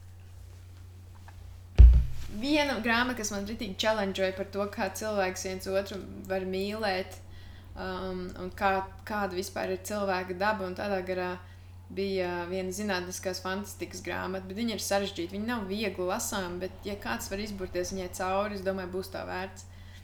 Um, līdz ar to es vēlos novēlēt cilvēkiem izlasīt Urzulas Lagvinas tumsas kreisā roka, jeb The Left Hand of Darkness Jo tur ir par to, kā mīlēt citu cilvēku, pat tādu, kurš ir pilnīgi no citas pasaules. Un jā, ļoti liek padomāt par vispār par to, kādi mēs esam kā sievietes un vīrieši. Un, un tā. Tas, ko Džēma Sudraba tagad arī darīja. Ah, uh, bet vai viņi runā par to, kāda ir vīrieši? Ne, viņi runā par, par sievietēm. Ah, viņi runā par, uh, par to, par male gaze, par to. Jā, par visu to. Es noskatījos to video šodien. Un es domāju, es nezinu, ko es domāju. Es, nu, tā, es, kā es uz to skatījos, es viņai piesakoju pēc šitā. Es arī! Jā. es redzēju, Twitterī, ka bija. Es īsti mm -hmm. nesapratu, vai tā bija, vai tā bija tāda ironija un sarkasms, vai tas tiešām tā bija īstam no sirds. Bet uh, viņai ir, uh, ja runa ir par uh, sevis mīlestību, viņai ir ļoti daudz ļoti labu punktu. Mm -hmm. tas, ko viņa teica par to, ka nu, tur samantīna ir fucking hot, vai nu, kā viņš teica, rītīgi hot. Mm -hmm. Un ka pat viņai ir visu viņas plaka no vēdera un visu to, cik mm -hmm. viņa ir hot, pat viņai droši vien liekas, ka viņa nav skaista un tur viņai vēl vajag plakanāk un tam līdzīgi. Un ka, cik tas ir sarežģīts jautājums. Uh, man liekas, tēm, nu, vot, vot šitas tu perfekti pateici tā, kā tas ir jāpasaka. Ka pat tas skaistais cilvēks, uz kuru tu skaties, kas tev liekas skaists, un uh, tur viņam viss ir kārtībā, pat viņam liekas, ka ar viņu viss nav kārtībā. Uh, Tāpēc, ka mums visu laiku nemitīgi apkārt ir tas, ka mēs salīdzinām ar kādu citu, bet tas kāds cits jau salīdzina sevi ar vēl kādu citu, un, un tas, ir, tas dara mums pašiem pāri. Tas nav, pat ja liekas, ka tas ir tāds, uh, šis ir par tiešām sevis mīlestību, pat ja liekas, ka tas ir tāds, nu, ka tu redzi kaut kādu elku, pēc kura tiekties, Uh, tev liekas, ka nu, jā, tas jau ir vajadzīgs, un it kā tas ir tā, tā, tā tava vaduguns, jā, pēc kuras tā kā iet. Bet, ja tu sāc sevi ar viņu salīdzināt, ka tev nesanāk tā, vai nesanāk šitā, un tu sāc sev dzīt iekšā tumsā mm, tādēļ, tas, tas, nav, tas nav labi. Un tas nepie kā labi neved. Un ir ļoti, ļoti, ļoti grūti saprast mums pašiem, katram, jo mēs esam rītīgi daudz cilvēku pasaulē, un katrs ir pilnīgi citāds. Mums ļoti, ļoti grūti saprast to, ka mums ir vienkārši jārada priekš sevis savs ideālais, pēc kā tiekties. Nevis jāatrod kāds, kas nu, mums liekas, ka viņš ir. Jo viņam liekas, ka viņš nav, viņš pēc kā tiecās. Var iedvesmoties, bet ne, cilvēks salīdzina sevi ar citiem. Un tas baigi, baigi. Es arī no savas pieredzes saku. Es arī sevi reizēm salīdzinu ar citiem. Tas nepie kā labi neved. Tas nepie... Arī ir samantīna. arī ir samantīna. Uh, bet atkal, redzi, mēs atkal nonāk, nonākam pie tā, ka mēs uh, visu laiku salīdzinām, un šajā gadījumā mēs šausmām sevi par to, ka mēs m, mm, kā, atšķiramies no tā, kā ir citiem. Mm. Un mēs visu laiku salīdzinām. Mēs esam tādi tā kā salīdzinātāji. Varbūt tāpēc, ka, mums, nu, tāpēc, ka mēs esam aitas. Mēs esam bari dzīvnieki. Un, ja tu esi melns, melna augs, tad tevi dzīs ārā. Mm. Un mums ļoti svarīgi ir būt pieņemtiem. Mm. Mm. Un, ja tu, un mums ir melnās avis, mums ir ļoti daudz melnās avis, un viņām ir spēks izturēt to, ka viņi par viņām ķēngājās, un tur Justins Bībers. Viņš ir, viņš ir melnā avis. Nu. Varbūt uh, ne tāpēc, ka viņam tur ir kaut kāds unikāls dziedātājs vai kaut kas, bet uh, vien tāpēc, ka viņš ir slavens. Nu, viņš ir ārpus, ārpus baltajām aitām. Viņam ir grūti, Bet kaut kā, nu, kaut kā viņš tiek cauri. Viņam nav variantu. Viņš ir melns. Nu, ko tu padarīsi? Un, uh, viņam varbūt noteikti būtu vieglāk, ja viņš būtu baltā, balt, bal, baltaita. Mm. Mēs tādi bari dzīvnieki esam. Un es, es nezinu, vai tas ir labi vai tas ir slikti kā nu, visi kaut kā kopā kustam, nu, kustamies. Jā, ja mēs visi skrienam vienā virzienā kopā ar to baru, tad jau viss forši tev paņem līdzi, tā kā tu tiec ātrāk uz priekšu, mm -hmm. bet ja tu pēkšņi izdomā bāc, bet man ir jātiek tieši pretējā virzienā, tad vai nu tu izstamies, vai arī tev nobradā. Mm -hmm. Tas, ka, ka tur tik daudz šo teicienu ir, jo tu augstāk kāp, jo vientuļāk paliek un tam līdzīgi. Jā, tāpēc, ka tev oh, ir, mm. kāpēc Holivudā aktieri un visas slavenības, kāpēc viņi visi tusē savā starpā. Jā. Tāpēc, ka cilvēks parasti nesaprot, kā, kādu dzīvi viņi dzīvo. Mēs nevaram iedomāties, kādu dzīvi dzīvo Jay-Z vai Beyoncé vai, vai kāds cits cilvēks. Uh, viņi ir tādi paši cilvēki kā mēs, bet tas vaiprāts kādam viņi iet cauri, nu, retajam tāds gadās. Un, uh, un ne visi var kaut ko tādu izturēt. Nevēl viņi lieto visu kaut ko, un viņiem tur grūti iet. Un, un tā. Jay-Z nokrāpa Beyoncé, vai ne? Tur viss pasaule par to zina un runā. Un kā, kā jūtās pirmkārt Jay-Z, kā jūtās Beyoncé par to. Kā Kam... jutās Solange? Nu, mēs jau visi redzējām, kā viņi jutās. Nu, jā, nu, tieši tā. Liftīgi lūstis. Bet, un tad pat laikā mums ikdienā apkārt notiek entās tādas situācijas. Jā. Un, ne, un neviens cilvēki... par to nerunā. Neviens par to nerunā. Jā. jā, un viņiem tam iet cauri ir nu, kā, nu, nu, normāli. Nu, tas nav nekas, nu, ir smagi, ne, bet ne tā kā viņiem. Mm. Un, uh, nu, tā, melnās ausis, baltās ausis. Paldies tev liels! Paldies tev! Paldies Harijam. Viņš ir aizmirsis.